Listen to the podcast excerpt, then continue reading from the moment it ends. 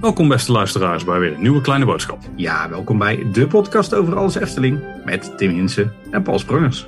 Hey Tim, we hebben vandaag weer een aflevering Mijmeren met. En we hebben weer een bijzondere gast kunnen strikken. Ja, inderdaad, want in Mijmeren met gaat natuurlijk altijd het gesprek aan met uh, of bekende Efteling-liefhebbers of bekende Nederlanders die wat met uh, de Efteling hebben. Alhoewel, vandaag zit het net even ietsje anders. Hè? we zijn vandaag iets uh, zuidelijker gaan zoeken voor onze gast. Uh, eigenlijk komt dat omdat hij ons een keer heeft uitgenodigd om te gast te zijn in zijn podcast. Ja, inderdaad. We zitten inderdaad wat zuidelijker. Nou zitten we natuurlijk zelf tegen de Belgische grens aan. Maar we hebben vandaag een echte BV'er te gast in Kleine Boodschap. Zo moeten we dat dan toch zeggen? uh, zo moeten we dat zeggen. Ja. Misschien moeten we de, de gast een beetje introduceren voor onze Nederlandse luisteraars. Maar zullen we eerst maar eens gewoon aankondigen. Xander de Rijken, welkom in Kleine Boodschap. Dank u wel heren. Heel blij om jullie terug te zien. Ja, dat is al een tijdje geleden. Ik denk bijna anderhalf jaar of zo. Ik, ja. Dat kan wel, ja. Het was... Ja. Het was rond mijn affront dat spookslot ging gesloopt worden. En het moest nog gesloopt worden. Dus. Ja, ja, inderdaad. Ja, Paul, jij hintte er al een beetje naar. We waren inderdaad een tijdje terug te gast bij Xander in de podcast Mossel om half twee. Mm -hmm. Aflevering 323 zie ik hier. Dus mm -hmm. mensen hebben het vaak over het aantal afleveringen dat wij maken. Maar je hebt de baas boven baas. Maar uh, daar moeten we dadelijk maar over gaan hebben, Xander. Want ik denk dat jij uh, voor onze Belgische luisteraars een bekende naam bent. Maar voor veel Nederlandse luisteraars zal je denk ik... Uh, ja, wat minder bekend zijn. Dus ja, kan jij eens wat meer vertellen over jezelf? Wie is Xander de Rijke en uh, wat doe je zo al in het dagelijks leven? Uh, eens zien. Uh, Xander de Rijke is een, voornamelijk een stand-up comedian uit Vlaanderen. Ik ben ongeveer 17 jaar geleden begonnen met stand-up comedy toen ik 18 was. Uh, intussen zit ik aan mijn, ik denk, dertiende zaalshow die ik gespeeld heb. Ik ben voornamelijk stand-up comedian. Ik ben met mijn podcast Mosselen om half twee, twaalf jaar geleden gestart. Wat mij waarschijnlijk de op één na oudste podcast, of toch populairste in Vlaanderen maakt. Ja, er zijn, ik denk dat de ene die nog ouder is dan mij toevallig een pretpark-podcast is. Ja, namelijk ja. Ochtend in Pretparkland.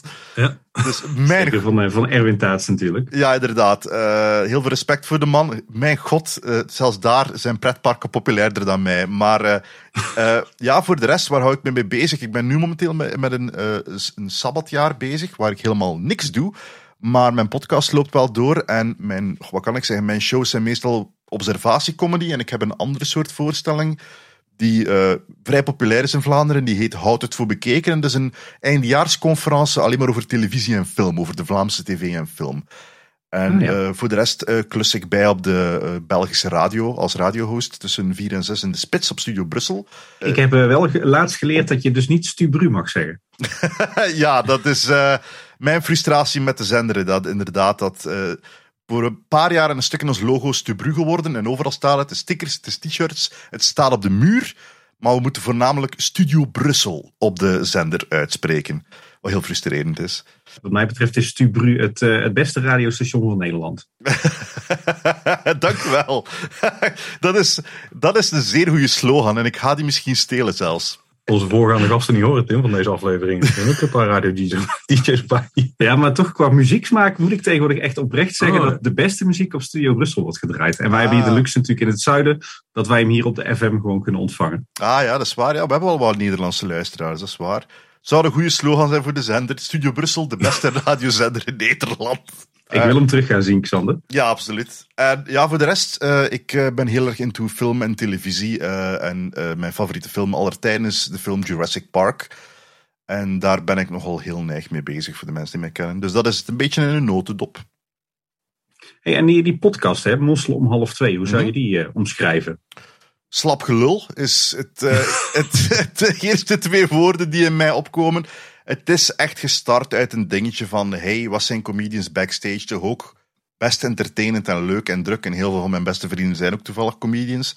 En daar is hij voornamelijk uit ontstaan. Het gewoon iedere week een, een collectie van mijn vrienden en collega's samenbrengen. En dat doen we al bijna twaalf jaar intussen. En dat blijft maar doorlopen tot, uh, ja, uh, mijn spijt en, en mijn blijheid tegelijkertijd. Ja, allemaal uh, Vlaamse comedians en, uh, en de twee Eftelgekkies. Die het, zaten er ook nog een keer tussen. Het, het, blijft, het blijft mijn interesse. Dus als ik een bepaalde week beslis van en nu ga ik het over de Efteling hebben, ja, dan mik ik hoog, dan mik ik groot en dan kom ik meteen naar de bronnen, jongens. Oeh.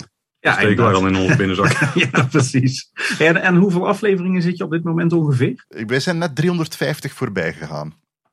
Kijk, maar we zijn, ook, we zijn ook twee jaar gestopt en nu breng ik ook maar twee afleveringen per maand uit. Dus iedereen steekt mij in, intussen enorm voorbij. wij zijn wij, hard op weg, ja. Ja, wij zijn ook ons best aan het doen, inderdaad.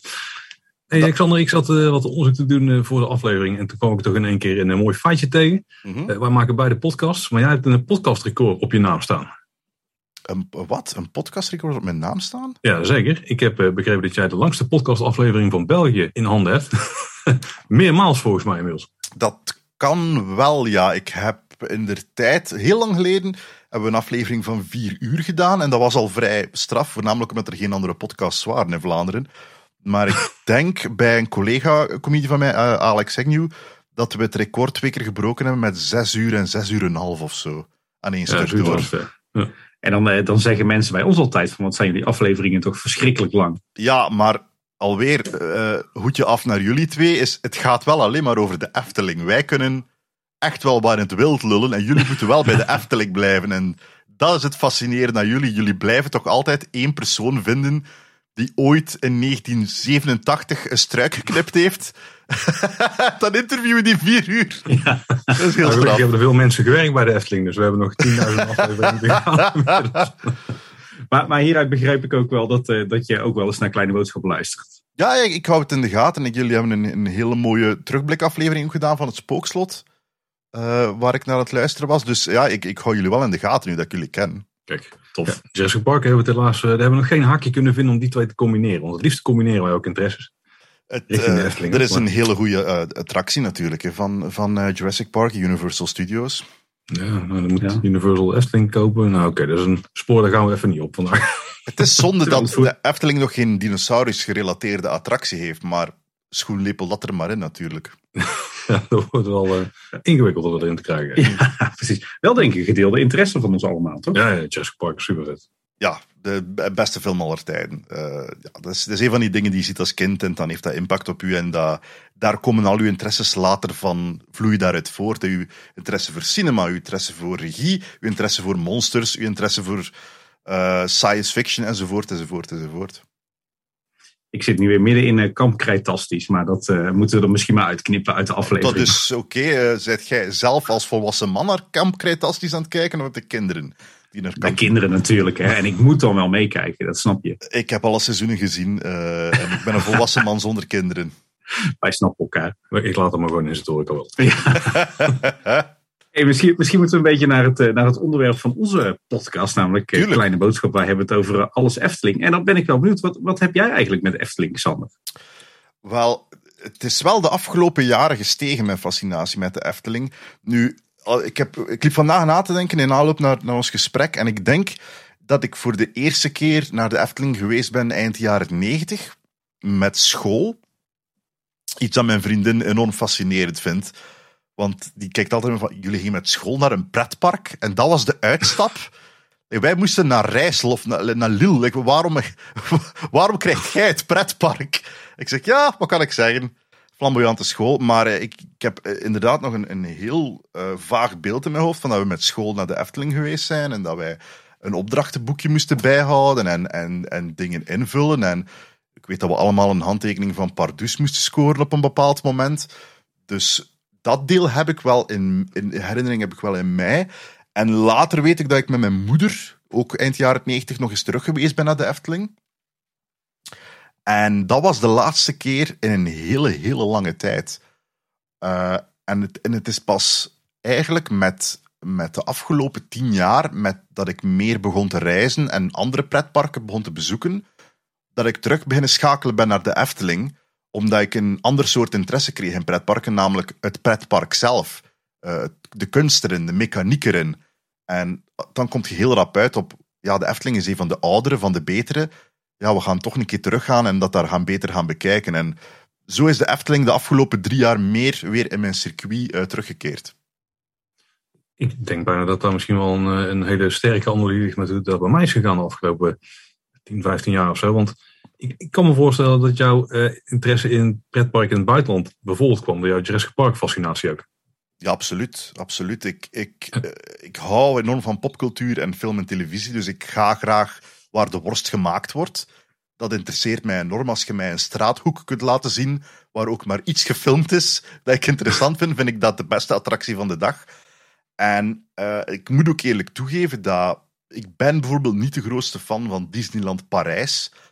Want het voelt toch aan als een soort van wonky kopie en dat heb je pas door totdat je het origineel bezoekt. Dan heb je pas door van wat voor een brol hebben wij daar eigenlijk staan in Parijs. Waarom moet ik naar al die Frans gedubte dingen gaan staan luisteren?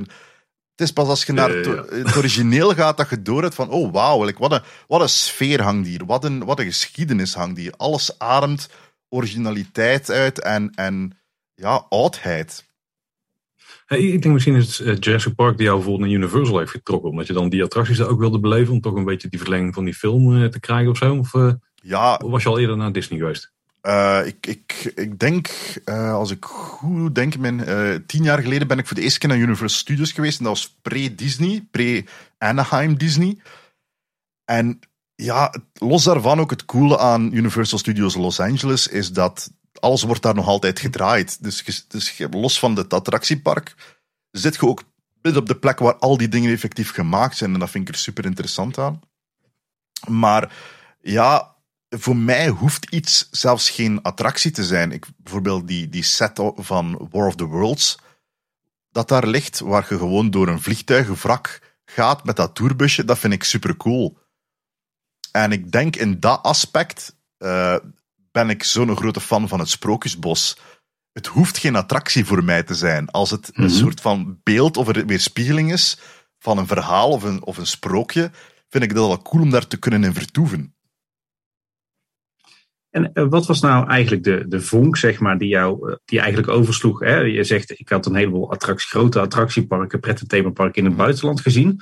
En wat maakte nou net, wat zorgde er nou net voor dat je ineens dacht van, verrek, hier vlakbij huis in Kaatsheuvel in Nederland hebben we de Efteling en die is misschien wel net zo mooi. Ik denk, kijk, mijn beeld, een goede drie jaar terug, ik denk al rond 2019, vier jaar terug intussen, mijn god, was.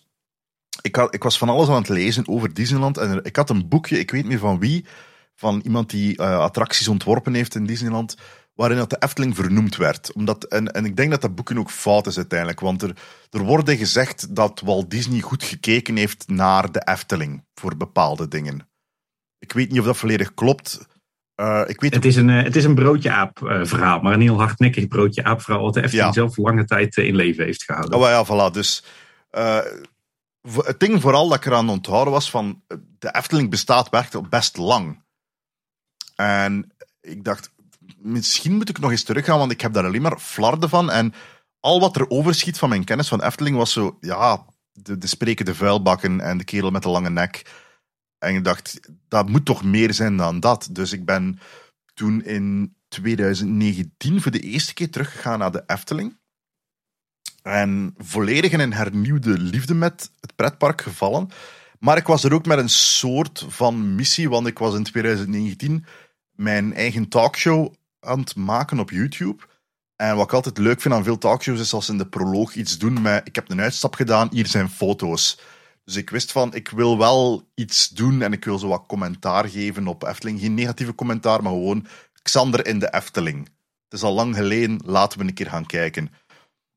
En uh, ik, ik ben daar in een oprechte liefde gevallen en ik heb daar natuurlijk ook heel veel grappen verzonnen. En uh, ik weet nog heel kort daarna, de zomer van 2019 begon ik eigenlijk voor de eerste keer op te treden in Nederland. Daarvoor heb ik nooit veel in Nederland opgetreden. Dat heeft vooral met mij te maken en niet met Nederland. Dat was meer een dingetje van, zal ik eerst een keer een carrière hebben in België, voor ik nog eentje probeer te starten in Nederland. Anders heb ik twee halve carrières in twee landen. Dus ik was eh, mee met een, een, een uh, groepering die heette de Burgondische Belgen. Waren drie comedians en een, en een MC die zo wat toerde door uh, cultureel centrum in Nederland, Schouwburgen enzovoort. En ik weet nog dat ik daar was en ik dacht in mezelf van, verdorie, die verhalen van de Efteling, die hebben wel gewerkt in die talkshow. Zou ik daar iets stand-up gerelateerd kunnen mee doen? Zou ik iets kunnen doen? En ik was ook een beetje een angst, want ik dacht dat het een te groot cliché ging zijn. Zo de Belg die naar Nederland komt om dan Efteling-moppen te vertellen. Ik dacht, als er nu één ding is dat comedians in Nederland toch al moeten gemolken hebben, is toch wel... Mm. Ja, ik, ik, ik, moest ik in Nederland wonen, ik zou veel Efteling-materiaal maken, maar goed, ik dacht, ik ga dat niet doen, dat lijkt mij cliché. En ik vertelde die verhalen en dat werkte als een tierlier.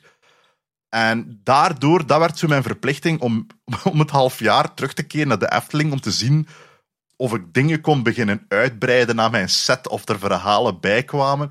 En, en daar is de uitvergroting eigenlijk gewoon gekomen, dat in, in teken van een zaalshow en van een stuk materiaal, dat uiteindelijk echt een kwartier of, of zo, of twaalf minuten de show is geworden, ben ik mee naar de Efteling beginnen gaan, maar verstopt zit daaronder dat ik daar gewoon graag naartoe ga. Een enorm goede reden om die kant op te gaan in ieder geval. ja, precies. Dan kan je het allemaal eh, declareren als, eh, als werk, hè? Inbrengen op de zaak, gelijk dat we zeggen hier. precies. Eh, zou je ook kunnen zeggen dat, dat gedurende de afgelopen vier jaar dat jouw jouw liefde voor of jouw interesse in de Efteling ook steeds sterker was, Bert? Absoluut. Um, het, het, natuurlijk, ik ga wel eerlijk zijn, ik heb mijn favorietjes en ik ga naar bepaalde hoeken van de Efteling veel rapper. Uh, ik, ik, zeg het ook in de show, ik ben geen fan van rollercoasters. Ik, uh, het boeit me niet. Boeit me echt niet. Uh, zelfs de techniek boeit me nauwelijks aan rollercoasters. Ik vind dat gewoon niet leuk. Ik heb dat lang proberen ontkennen, omdat je toch altijd zo dat lagere schoolding in u blijft hebben. Dat iemand zegt van, durf je niet? En dat je denkt, oké. En ik heb gewoon geconcludeerd van, ik ben een man van 35. Ik mag eigenlijk toegeven dat ik dat gewoon niet zo leuk vind. Ik ben, ik ben groot, ik ben lomp, ik pas niet goed in die karretjes. Uh, ik vind het niet leuk om omgekeerd te hangen. Ik vind het niet tof om mijn, om mijn contactlens naar achteraan mijn oogbol te voelen schuiven. Ik vind dat niet leuk. Ik vind dat gewoon niet leuk. Dus dan doe dat gewoon niet. Dus laten we zeggen dat het, um, het, het, noorden van het park, laten we zeggen, waar alle rooskussen, daar kom ik bijna niet. Ik ga in de Piranha, dat vind ik leuk, maar dat is al die, al die, die roller. Was het de Baron zeker, waar, waar dat iedereen zo hangt boven een groot gapend gat met mist? Ja. Nee, doen we niet. Doen we niet. Ik krijg zelfs een paniekaanval als ik er naar kijk van op de grond. Ben je, ben je wel eens een keer in die attractie geweest uh, uh, zonder in de achtbaan zelf te gaan? Dus om wel de shows, de voorshows mee te maken? Kan dat? Ja, Zeker. kan. Ja. Dan uh, meld je bij degene bij de entree en zeg je: Ik wil Kompels bovengronds heet, heet het concept dan. En dan kun je gewoon een hele show doorlopen. En op het moment dat het karretje moet stappen, loop je gewoon dwars door en dan loop je naar buiten. Ja, misschien dat ik dat wel doe, ja. Want daar ben ik echt al jaren niet binnen geweest. Met kinderen heb ik regelmatig gedaan. Ja. leuk, ja. Hey, misschien een hele diepe vraag. Maar ik ben wel benieuwd wat je daarop gaat antwoorden. Wat, betekent de Efteling eigenlijk voor jou? Er komt sowieso een hele grote hoop nostalgie in mij naar boven, de Eftelingen. Ik heb er wel fijne herinneringen aan of zo. Maar um, ja, het is wel een bepaalde reflectie van mijn jeugd. De vorige keer hebben we het er ook over gehad dat best ironisch is dat Belgen zich zo vastklampen aan de Efteling. Want ja, tot op vandaag vind ik niet dat wij zoiets hebben als de Efteling. We hebben nu Plopsaland. Ik ben nog nooit in Plopsaland geweest. Ik heb ook geen zin om dat te bezoeken en ik zou niet weten wat daar voor mij te vinden is, eerlijk gezegd.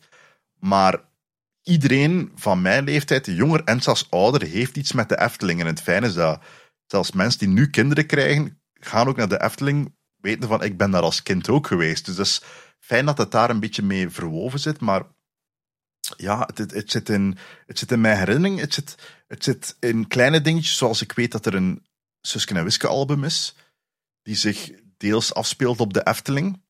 En als ik daaraan terugdenk, denk ik terug aan mijn grootouders en dat ik die strip aan het lezen was in de veranda. Dus er zijn, ja, er zijn heel veel mooie nostalgische herinneringen voor mij aan de Efteling, ondanks dat ik daar niet zoveel geweest ben. je zei net al dat, dat je rondom film en video en cinema, dat je daar uh, um, ook warme gevoelens van krijgt vanwege het creatieve aspect. Is dat mm iets wat bij jou meespeelt binnen de Efteling? Ja, absoluut. Weet, ehm, daarom blijf ik ook zo houden van het Sprookjesbos ik, ik, ik zeg het ook als grap in de show, maar mensen vragen aan mij, wat is mijn favoriete attractie in, in de Efteling? Ze altijd het Sprookjesbos. Dat is echt een attractie op mijn tempo. Letterlijk. Ik wandel daar gewoon door en ik geniet van het artwork, wat de tijd dat de mensen daarin gestoken hebben, dat, het gevoel dat daar gecreëerd wordt, alsof dat je echt een Hans Christian Andersen boek binnengestapt bent. Uh, gaande van hoe dat het geschilderd is, hoe dat het afgewerkt is, hoe dat die poppen eruit zien. Maar ook zelfs die kleine dingetjes, hoe, de, hoe het daar ruikt in godsnaam. Dat, dat zijn dingen die ik enorm kan appreciëren. En, en al, zelfs de nieuwe dingen dan erbij gekomen zijn, zoals de, de passief-agressieve sprookjesboom. Uh, uh, ja, ik zeg altijd passief-agressieve sprookjesboom, omdat die stelt vragen en als jij niet antwoordt, doet hij toch voort. Wat ik heel grappig ja. dat, dus, Het is een beetje ingesteld op kinderen die zeggen ja of nee of dat wil ik horen. En dan, als je gewoon daar staat als volwassen man kwaad te kijken naar de boom, dan doet de boom gewoon voort. Maar uh, ja, ook dat is heel indrukwekkend. Hè? Dat gezicht, hoe dat, dat eruit ziet. De kleine verborgen momentjes, dat er af en toe andere bomen zijn waar dingen in verstopt zitten. Tot en met ja, gewoon zingende paddenstoelen. Ja, dat, dat apprecieer ik enorm. Maar maakt het voor jou dan ook nog uit of het klassieke sprookjes zijn uit de jaren 50? Uh, eh, of heb je net zoveel met, met de moderne, meest moderne sprookjes, zoals bijvoorbeeld een Zes Zwanen of een Meisje met Zwavelstokjes? Oh ja, absoluut. Voor, voor, mij loopt dat ook allemaal door elkaar en die voelen ook wel best tijdloos aan. Ik heb een heel stuk over het meisje met de zwavelstokjes in mijn show gedaan, in mijn show gedaan omdat dat het, meest miserabele ding aller tijden is. Ja, uh, ja. Uh, en, en zo te zien dat ik dat ook verdrongen gewoon, duidelijk. totdat, ik het weer, totdat ik het weer opnieuw hoorde in de Efteling. Maar uh, ja, dat is het fijne. Die, al die sprookjes zitten in de zeitgeist. We kennen die allemaal en het is fijn om die weer spiegel te zien, om die tastbaar te maken, om, om het, het gevoel dat ik had als kind om aan het raam te kunnen gaan staan van de wolf en de zeven geitjes. En ze te zoeken in het huis, weten waar zitten de zeven geitjes overal, waar zijn ze verstopt en al de kleine details van dansende muizen enzovoort. Ja, dat is ja, onvervangbaar. Hoor dat er een flinke dosis nostalgie aan het pas komt aan jouw liefde voor de Efteling. Absoluut, absoluut. Hey, je zei net wel iets interessants, hè? Dat, dat de Efteling eh, nog steeds zo enorm populair is bij, uh, bij Belgische gezinnen of bij België, België in algemene zin. Mhm. Ik vind dat toch wel iets fascinerends, want jullie hebben een ontzettend groot pretparklandschap in België. Uh, Bobbejaanland, Walibi Belgium, Bellewaarde, Plopsaland. Nou, zo kan ik nog wel even doorgaan. Mhm. daar zitten best wel mooie parken tussen, waar ik ook zelf met veel plezier kom. Maar op de een of andere manier heb ik toch het gevoel dat de Efteling voor bijna alle Belgen daarboven staat. Hoe komt dat nou? Ja, het, is moeilijk om mijn vinger erop te leggen. Ik, ik ben ook als kind rapper in de Efteling geraakt dan in eender welke van die parken. En ik ga echt eerlijk zijn, tot op vandaag, en ik ben er dan een hele rare Belgen, ben ik nog niet in Walibi of in Bobbejaanland geraakt. Uh, terwijl ik wel eerlijk moet zijn, Bobbejaanland interesseert mij wel enorm, omdat het ook gewoon een heel vreemd park is en een heel vreemd origin story. Het feit dat er Vlaming verkleed als cowboy zijn eigen park start. En tot op vandaag bestaat dat nog steeds. is heel interessant. Zeker als je weet dat er, ja, zeker als je weet dat er dingen zoals het land van ooit en, en uh, Dadi Park niet meer bestaan. Dus er zijn ook al parken failliet gegaan in dit land. Ja, voor mij, en ook Plopsaland is natuurlijk de, de grote en de populaire. En daar raak ik niet naartoe, omdat er natuurlijk ook allemaal zijn allemaal Plopsa gerelateerde dingen. En ik ja, ik, ik, ik heb alleen maar actief als kind Samson meegemaakt. Samson was zo mijn dingetje. En dat was ook alleen maar Samson. En Kabouter Plop en al die dingen kwamen er pas bij. toen was ik al net te oud aan het worden. Dus om naar een pretpark te gaan dat scheef staat van Plop en Wiki de Viking. Ik heb allemaal niks met die dingen. Dus ik zou zelfs niet goed weten wat ik daar ga doen. Maar wat maakt dan dat, dat de, de Efteling en de, de sprookjes en de verhalen die daar worden uitgebeeld, dat het wel zoveel Belgen trekt? Ik, ik denk vooral, ja, we kennen die verhalen allemaal al. En, en ik heb toch meer het gevoel dat, dat de Efteling meer waar voor zijn geld is op een bepaalde manier. Ik denk, als je mij naar een van onze Vlaamse parken zou brengen, dat ik eigenlijk niet zo goed weet wat ik er allemaal kan doen. Want in mijn geval, zoals ik zei, ik hou niet van rollercoasters. En als je daar al een paar van schrapt, dan blijft er soms maar een derde park van over. En ik kan, ik kan een volledige dag spenderen in de Efteling en niet in een rollercoaster gaan. En dat is, dat is wel heel straf. En, en los van de haha-humor van wat zijn de prijzen toch duur van al die dingen. Ik heb nog nooit gezeurd over de prijzen in de Efteling. Anders kan ik je toch aanraden om eens naar Plopsaland te gaan, als je daar voor zou zitten. Ah, wel, ja, geloof me, de Gert Verhoost, de man is al een, een onderpunt van discussie geweest in dit land. En uh, ik denk dat het in de zomer terug was of zo, dat dat ze tegen hem zeiden van, je weet toch dat uw ballonnen zijn like 12,5 euro? En hij zei, wat kan je nog kopen van 12,5 euro? Wel, sommige mensen een, sommige mensen een maaltijd, Gertje, maar... uh, ja, kijk, ik, ik, ik heb recent nog aan een goede vriend van mij een kaarten cadeau gedaan voor de Efteling. En mensen zijn er heel blij mee. Zeg Sander, nou we toch bezig zijn met het, eh, het oplossen van uh, mysteries voor ons Nederlanders, voor ons mhm. Hollanders moet dan denk ik zeggen. Uh, waarom sjouwen jullie Belgen altijd de hele familie mee als jullie naar de Efteling gaan? ik weet niet, is er een soort groepskorting? uh, waar wij niet van weten. Is het echt? Nee, ik denk dat het vooral te maken heeft met als we gaan, pakken we gewoon iedereen mee waarschijnlijk.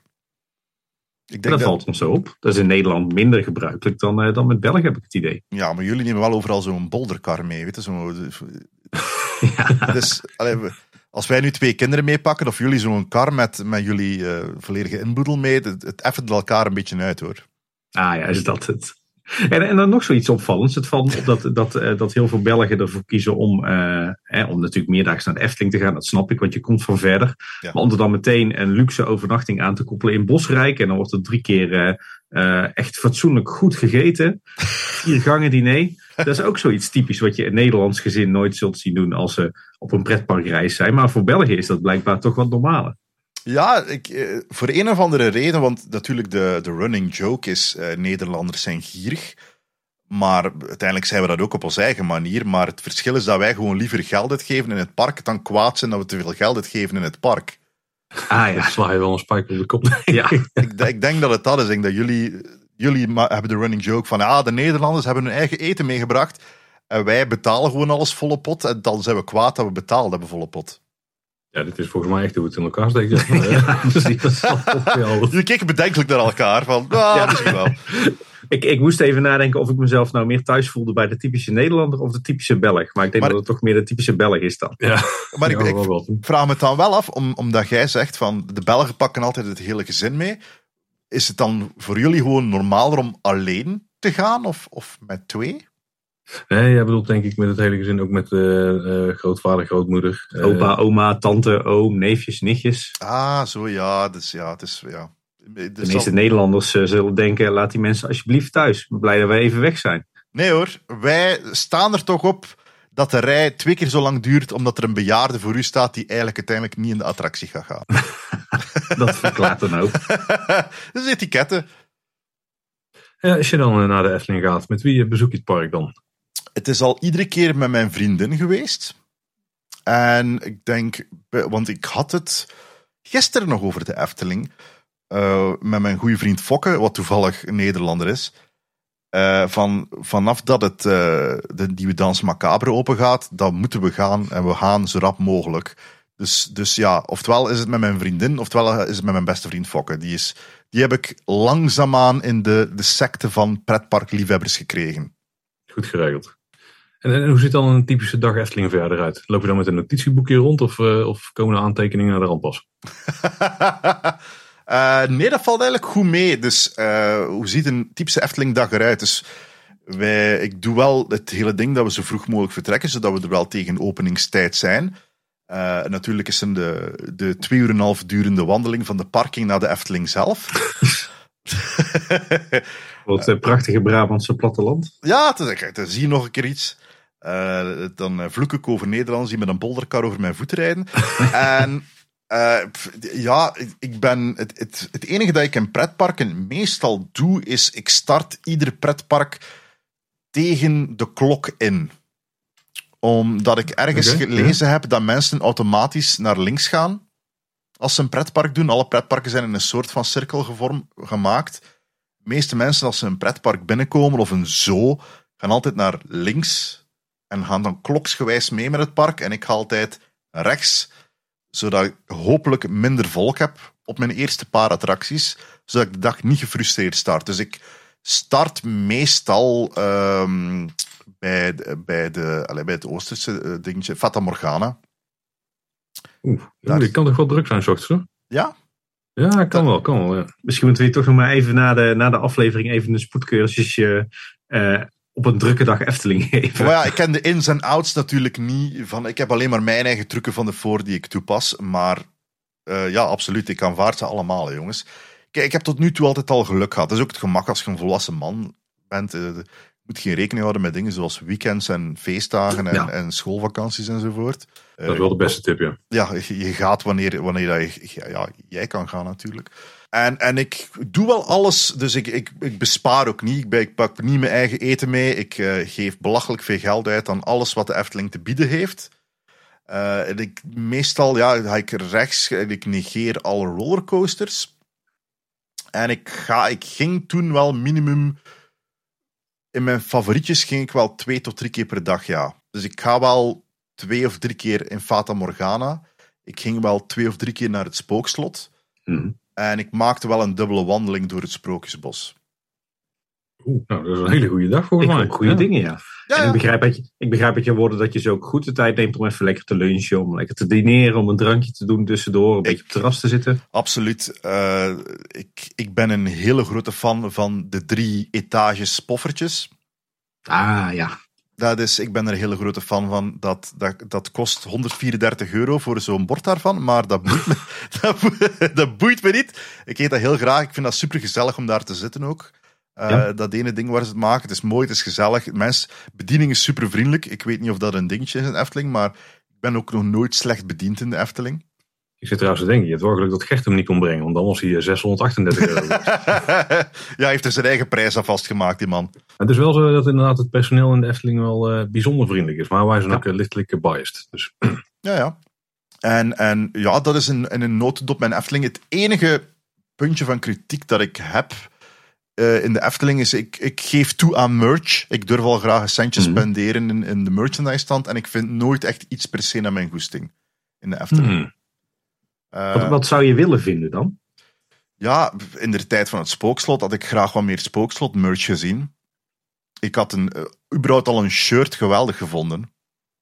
Met, met het slot op of, of iets, een beeld van binnenin het spookslot had ik geweldig gevonden. Uh, spookslot kerstbal had ik heel leuk gevonden. Een kerstbal vind ik altijd goed. Ja, ik ga meestal naar shirts en kerstballen. Boeken met artwork vind ik ook heel cool. Mm want ik ben ook een hele grote fan van dat, dat klein stukje huis. Ik denk dat dat is in de buurt van het Anton Pieckplein, denk ik, waar zo het museum van de Efteling zit. Ja. Ik vind dat geweldig. Ik wil al die spullen. Dus moest, moesten mensen mij tien minuten daar alleen laten, dat ik al lang zo'n glas geslaan en daar dingen uitgestolen. Uh, we hebben al de standaard vragen, die past hier nu perfect. Maar stel er zou één element zijn uit de Efteling wat je mee naar huis zou mogen nemen. Wat je gewoon ergens in je huis zou mogen stallen. Of als het iets groter is, misschien eh, in de tuin. Wat zou er dan zijn? Ik had, ik had sowieso kandelabra's of kandelaars van het spookslot van de muur gerukt.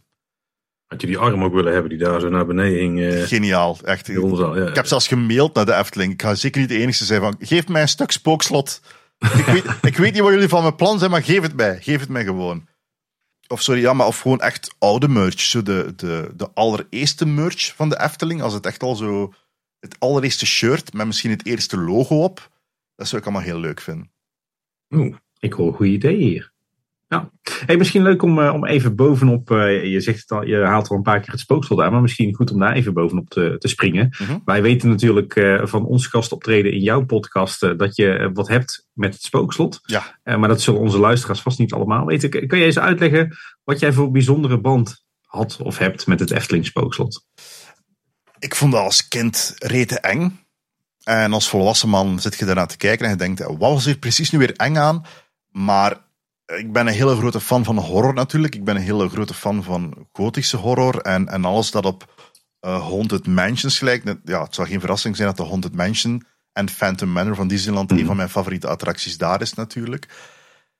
Maar het spookslot, het spookslot is toch gewoon, dat is bijna, het is nauwelijks een attractie, het is een sfeertje. Ja. En dat is een sfeertje dat bijna niet te recreëren viel. Uh, ik heb nog lang nagedacht over ons gesprek dat we gedaan hebben. En het deed mij ook pijn om het spookslot te zien gaan. Maar ik, ik snap het volledig in, in retrospect van... Ding kan niet blijven bestaan. En ik snap ook voor deze huidige generatie van kinderen... Ja, vergeleken met, wat is het daar, uh, de symbolica enzovoort om daar zeven minuten in de duisternis te staan kijken naar, naar een, ja, een wiebelende, ja, wiebelende balustrade en bloemen die open en dicht gaan. en een zwevende viool. Ik snap het. Ik snap het volledig. Maar ja, zij waren er niet. 30 jaar geleden, toen, toen er niks meer een referentiepatroon was. Dus jij ging binnen en dat was donker al van in de inkom. En eens je ogen gewend zijn aan de duisternis, ga je nog een donkere locatie binnen. En dan gaan alle lampen dicht. En dan krijg je langzaamaan stukken te zien. Het wat er allemaal te, en het is allemaal eng. Het is een of andere enge waterspuur op een dak die rondkijkt. Het is een lijk bengelend aan een touw. dat zou je in Plopsaland niet snel zien. Nee, nee. Uh, dat is, ja, nog dat. Tenzij dat iemand de prijzen van de ballon heeft gezien en zijn eigen heeft opgehangen ergens. uh, maar kabouter plop. De inflatie voor de melkhaalberg is te duur. Maar ja, het is, het is ja, een sfeertje. Ik kan het niet anders beschrijven als een absoluut sfeertje. En dat had ik iedere keer als ik er naar terugging. Wat, wat deed dat met jou dan toen het nieuws kwam dat het spookslot zou verdwijnen? Ja, ik was bereid daarvoor te vechten op een bepaalde manier. Uh, het, het, het, voor de eerste keer in mijn leven voelde ik mij ook een echt een oude man, omdat ik dat ding van, ah, de jeugd. De jeugd weet niet wat goed is. De jeugd met, hun iPads en hun Netflix en hun bingen. Ze hebben niet meer het geduld om zeven minuten gewoon te kijken naar een ervaring en te luisteren naar muziek. Dus het was echt een beetje dat, maar ja, soms moet je gewoon toegeven van, ja, je zit daar alleen in. Hè. Wij, natuurlijk, wij zitten hier allemaal tegenover elkaar met een, met een liefde voor de Efteling en een liefde voor het park, maar ja, de gemiddelde peuter does not give a shit hè, wat er met dat ding gebeurt. En is ook al na drie minuten verveeld van wat staan we hier nu eigenlijk te doen in dit donker hok. Ja, uh, wij uh, missen het oil een beetje, Tim. Ja. Eh, heb je eigenlijk nog op een bepaalde manier afscheid genomen van het spookslot? Ik ben nog wel... Ik ben, ik ben in de zomer van... wacht, maar wanneer hebben ze het officieel, officieel gesloten? September vorig jaar? Ja, klopt. Dus ik ben, ik ben in juli of augustus nog terug geweest voor de laatste keer naar het spookslot te gaan. Ik denk dat ik er nog twee of drie keer in geweest ben. ja, en, en liefst met zo weinig mogelijk volk. Om, om op mijn eigen manier afscheid te nemen van het spookslot. Traantje weggepinkt? Ja, een beetje wel. Het, het, ik ben daar. Ik ben er wel best gevoelig aan. En, en eh, zeker. Je moet ook weten. Eh, een voorbeeld dat uh, weer te maken heeft met Jurassic Park, maar het is wel pretpark gerelateerd. Dus ik ben in 2017 ben ik voor de eerste keer alleen naar Amerika geweest. Ik was net uiteen uit een, relatie die heel lang geduurd eh, heeft. En ik, was, ik woonde voor de eerste keer weer helemaal alleen. En het was zo, de man is weer vrijgezel en hij werd dertig. Het was zo'n dingetje van, maar ik kan doen wat ik wil. Ik kan gewoon naar Amerika gaan. En toen was ik in Amerika en besliste ik van, ik ga gewoon alleen naar Universal Studios. Niemand houdt mij, allez, ik, ik hoef niet met twee te zijn. En ik denk dat ik toen de Jurassic Park rit negen keer gedaan heb. Kijk, niks mis mee. En de laatste keer was de beste keer, want ik ben gegaan zo tien minuten voor sluitingstijd. Dat was toen, denk rond negen uur, dat het park sloeg. En dat is half schemer, half donker. Het is altijd iets leuker om een attractie in de duisternis nog een keer te kunnen doen. Het verandert toch weer helemaal. Ja, zeker. En ik zat bijna helemaal alleen in dat bootje. En uh, ik voelde mij toen oprecht heel gelukkig. Dat klinkt heel melodramatisch, maar dat was het wel zo. Het was ik was exact waar ik wou zijn, omringd door alle dingen waar ik van hou. En het is heel fijn om dat moment intiem te kunnen beleven. En dat had ik ook een beetje met Spookslot van... Ja, ik ga hier wel afscheid van nemen op mijn eigen manier. En op een bepaalde manier ben ik ook wel heel blij dat ze het zo mooi vastgelegd hebben voor het nageslacht. Je kunt het wel online herbekijken. Ze, ze, ze, hebben zich wel laten gaan om het in alle hoeken en manieren vast te leggen. om ons een beeld te geven van wat voor iets dat het was. Het zal nooit hetzelfde zijn natuurlijk, maar technisch gezien kunnen ze het op YouTube beter zien dan dat je het ooit kon zien als je erin stond. Ja. ja. en er zijn misschien nog wel betere fanopnames van Spookslot dan dat Efteling zelf heeft uitgebracht. Kun je nagaan. Als je nog een keer een 8K-TV aan de, de wand hebt hangen, zelfs dan kun je nog uh, alles in detail kijken. Waar is er iemand ingebroken in, in een spookslot om het zelf te gaan draaien? Ja, bijna. Maar wel door het glas, maar wel met zo'n uh, zo'n kap die dan uh, op het glas vastgezogen zit om alles zonder reflectie en zo vast te leggen. Dat ziet er echt heel tof uit. En een goede zoomlens. Zijn jullie, zijn jullie er intussen nog in geslaagd om achter de schermen van het spooksel te geraken? Ja, toch? Oeh, ja, daar hebben we het de vorige keer over gehad. Ja, dat stond bij mij op de kalender, maar dat is uiteindelijk niet doorgegaan. Nee. Nee, helaas. Ik helaas ook niet. Heb je nooit eens kunnen aanraken van de dingen in, achter, achter het glas? Nee, nee, nee. nee, helaas. Zo uh, bevoorrecht zijn we dan ook weer niet. Nou, wat, wat wel natuurlijk, dat, heeft, dat hebben heel veel mensen kunnen ervaren, maar in het uh, Noord-Brabants Museum in Den Bosch, was een tentoonstelling over de Efteling. Volgens mij van de populairste die ooit heeft gedraaid. En uh, daar hadden ze dus wat uh, spookslot-attributen um, ja, in de vitrine staan. En dan kon je dus wel bij zaken die normaal gesproken verder weg van je waren, zoals de viool, mm -hmm. kun je dan uh, op uh, 30 centimeter afstand van staan. Maar dus bijvoorbeeld ook um, die gezicht, die, het gezicht en die schedel die bij die Oosterse geest in die bol tevoorschijn komen. Ja. Dan kon je gewoon echt met je neus bijna tegenaan gaan staan. Dat vond ik ook wel heel vet. Dus dat voelde bijna als een kijkje achter de schermen. Ja, ik ben, ja, ik ben er nooit geraakt, maar ik weet ook dat uh, de maquette er stond waarschijnlijk. De maquette ja dat uiteindelijk, dat, is ook, dat zou ik heel graag bezitten, dat ding. Als wil ik, wil ik gewoon. Maar uh, ja, super cool. Heb je eigenlijk uh, ook nog gevochten om een spookslotboek? Nee. Uh, dat, het, het, het probleem is dat het spookslot en alles wat daar rondkwam, zoals het boek en de pin enzovoort, dat is allemaal een beetje de wereld gestuurd. Net op een slechte periode in mijn leven. Mijn, mijn, mijn moeder is overleden vorig jaar in september. Dus uh, ja, technisch gezien is ze nu onderdeel van het spookslot eigenlijk. Maar het, uh, er mogen mee lachen, jongens. Het is oké. Okay. Uh, ja. ze, kan ons niks meer maken, ze is weg. Maar ja, dus ik was totaal niet meer mee. Maar ja, ik hang er weer aan. Ik ga waarschijnlijk dat spookslotboek voor veel te veel geld op eBay moeten afpikken van iemand. Hoeveel kostte dat ding in totaal? Was dat ergens rond de 40 en 50 euro? Ik, ik, ik kijk nooit te, te, lang naar de prijs. Ik reken het gewoon gauw af en dan vergeet het Bez, uh, bezit, bezit jij het boek? Ja. En is het goed? Is het leuk? Is het mooi? Ja, ja het is zeker de moeite waard uh, om te hebben. Lap. Oké, okay, dat wordt weer, uh, als we dit afsluiten, een nachtje eBay. Jullie hebben toch iets in bezit.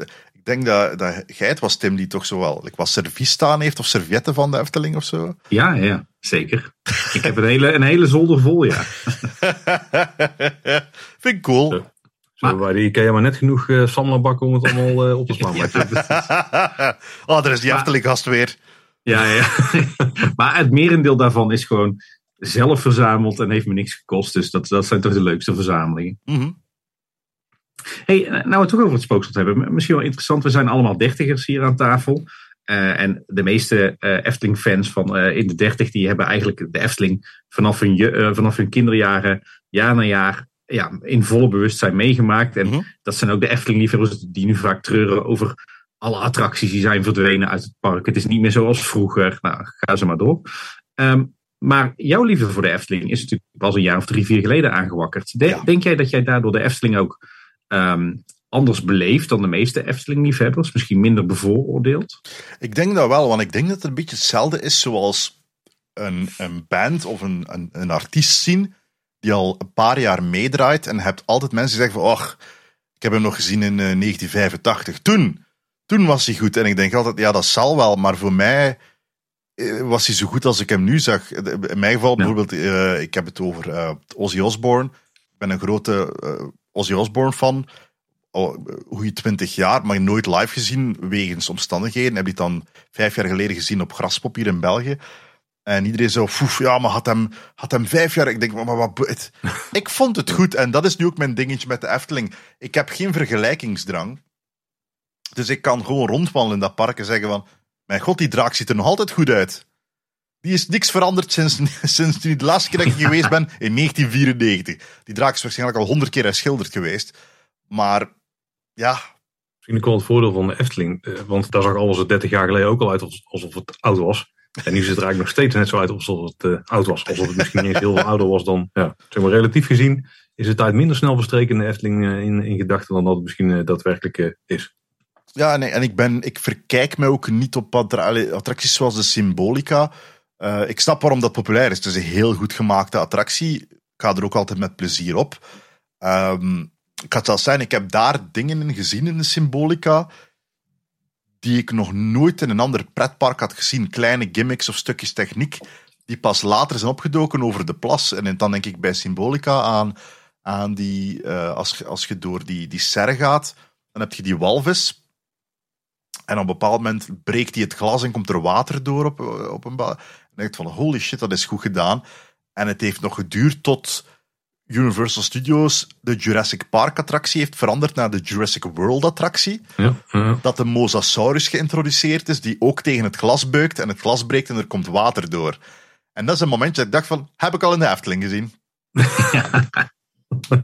ja, kijk, Efteling was eerst. Dat is eigenlijk wel sterk, want ik heb die, uh, ik, heb die attractie nog niet ervaren. Ik heb natuurlijk wel de onrides gezien, want zo'n zo'n gekje zijn we ook alweer. Maar die, uh, dat zou eens geïnspireerd kunnen zijn door, ja. Zijn ze toch in kaats even komen kijken? Het enige verschil is, denk ik dan nog, dat uh, de symbolica... Ik denk dat de walvis is praktisch, achter het raam. Ja. En dit zijn gewoon schermen met beelden van een mosasaurus op die tegen het glas beukt en dan breekt het, dan sproeit er water uit. Het enige wat niet praktisch is in de Efteling is het moment dat hij slaat met zijn staart tegen het glas. Maar de rest is allemaal praktisch, ja. Hm. Maar uh, ja, uh, dus, dus qua vergelijking, ja, ik heb geen vergelijking. De Efteling is voor mij zoals dat die is. En voor mij was de eerste grote, grote verandering het spookslot die platgesmeten wordt en een plaats maakt voor een nieuwe attractie. Misschien is het een beetje een opzichtige vraag, maar uh, zijn er dingen uit de Efteling die je meeneemt in je dagelijks leven? We weten natuurlijk dat je in je shows er iets mee doet. Ja, uh, wel, alles wat ik meegemaakt heb in de Efteling is wel mee verhuisd naar de show zoals ik zei, ik heb een paar bezoeken aan de Efteling extra gedaan om ze te kunnen verwerken in mijn materiaal, omdat ik voelde van dit verhaal werkt wel en er zit toch wel veel humor in die Efteling of zo. Um, maar um, ja, het, het, alles, jullie hebben het zeker gezien, want ik had ook gigantisch onderschat hoe populair dat stukje ging zijn van de Efteling. Uh, ja, dus, dus voor, de, voor de luisteraars, uh, sorry, mijn stand-up is niet altijd in het ruime algemene Nederlands. Natuurlijk met een Vlaamse tongval en ik praat nogal vrij rap. Maar ik had een show gemaakt die heette Bekend en Bescheiden. En daar zat uh, een stuk in over hoe graag ik pretparken bezocht. En ik vertel daarover de Eftelingen. En daar, daar, daar, daar, zitten alle dingen in dat ik jullie min of meer verteld heb. Zoals dat mijn favoriete attractie het Sprookjesbos is. Want ik moet er gewoon doorwandelen en ik hou niet van rollercoasters. En er zit een grapje in over de prijzen van de Efteling. Maar uh, er is een waar gebeurd verhaal van dat ik iemand uh, zijn peuter zien opheffen heb om te kotsen in de mond van Hollebolle Gijs. dat is echt gebeurd. ik heb wel veel meegemaakt in de Efteling, Tim. Maar, of was jij het? Nee, nee, ik was het niet. dat zomaar gekund ik, zal, ik zal u zelfs nog een betere geven. Dus, uh, dat is een waar gebeurd verhaal. Uh, mensen kunnen het, kunnen het zien op, op uh, ik dat vertel op YouTube. Maar dus het kwam erop neer dat ik daar aan in de diverse picknicktafeltjes zat waar mensen uh, verzamelen met hun ja, friet uit de muur enzovoort. En heel veel gezinnen aan het eten. En, en tafel verder is een gezin met een kind. En het kind maakt duidelijk het geluid van er komt nog. En ouders die een kind oppakken en zoeken van ja, dit kind gaat overgeven, waar ga ik ermee naartoe? En het toilet is druk, er staat een lange rij, dus je raakt er niet op tijd voorbij. Dus je ziet ze zoeken naar een vuilbak, maar dat is ook niet altijd even evident in de Efteling, want vuilbakken zijn soms dicht, soms is het een rieten mand. In het sprookje was het gewoon een rieten mand. Kan niet kosten een rieten mand. Dus ik heb iemand zijn kind mond in mond zien brengen met hollebolle gijs om in de mond van hollebolle gijs te kotsen. Uh, en natuurlijk Holle te horen afsluiten met dank u wel. En dat is een waar gebeurd verhaal. Dat heeft altijd, allee, de mensen moesten er altijd heel hard mee lachen als ik dat vertel. Wel effectief, geeft weinig, uh, weinig zooi. Ja, aan de voorkant niet,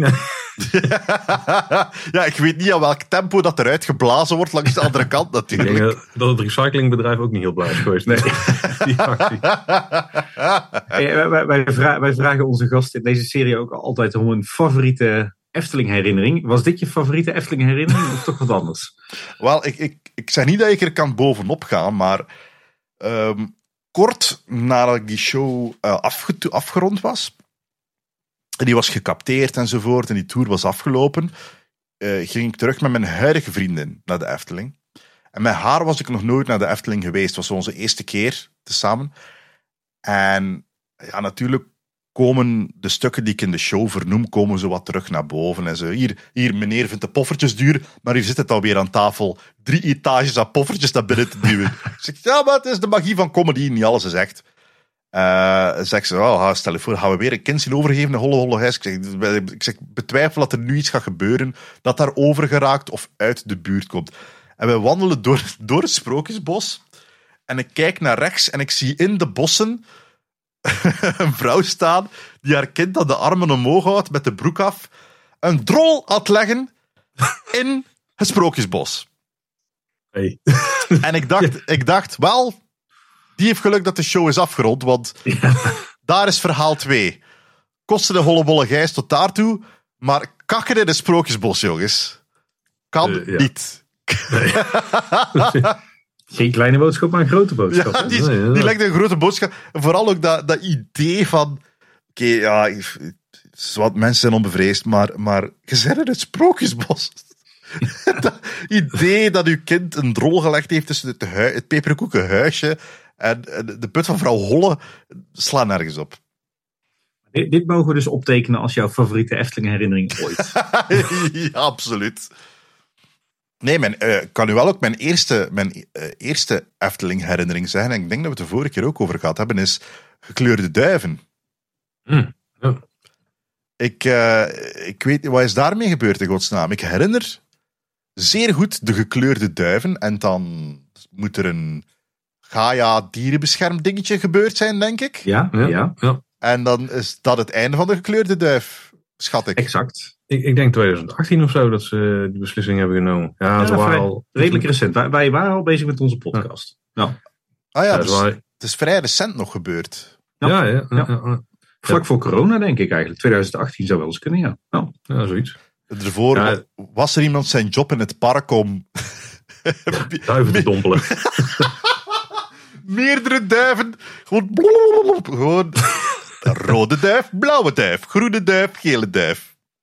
Dat is exact hoe het ging. Ja, inderdaad. uh, toen hebben ze ontdekt, ja, dat is looddragende verf, die, de, die duif, ja.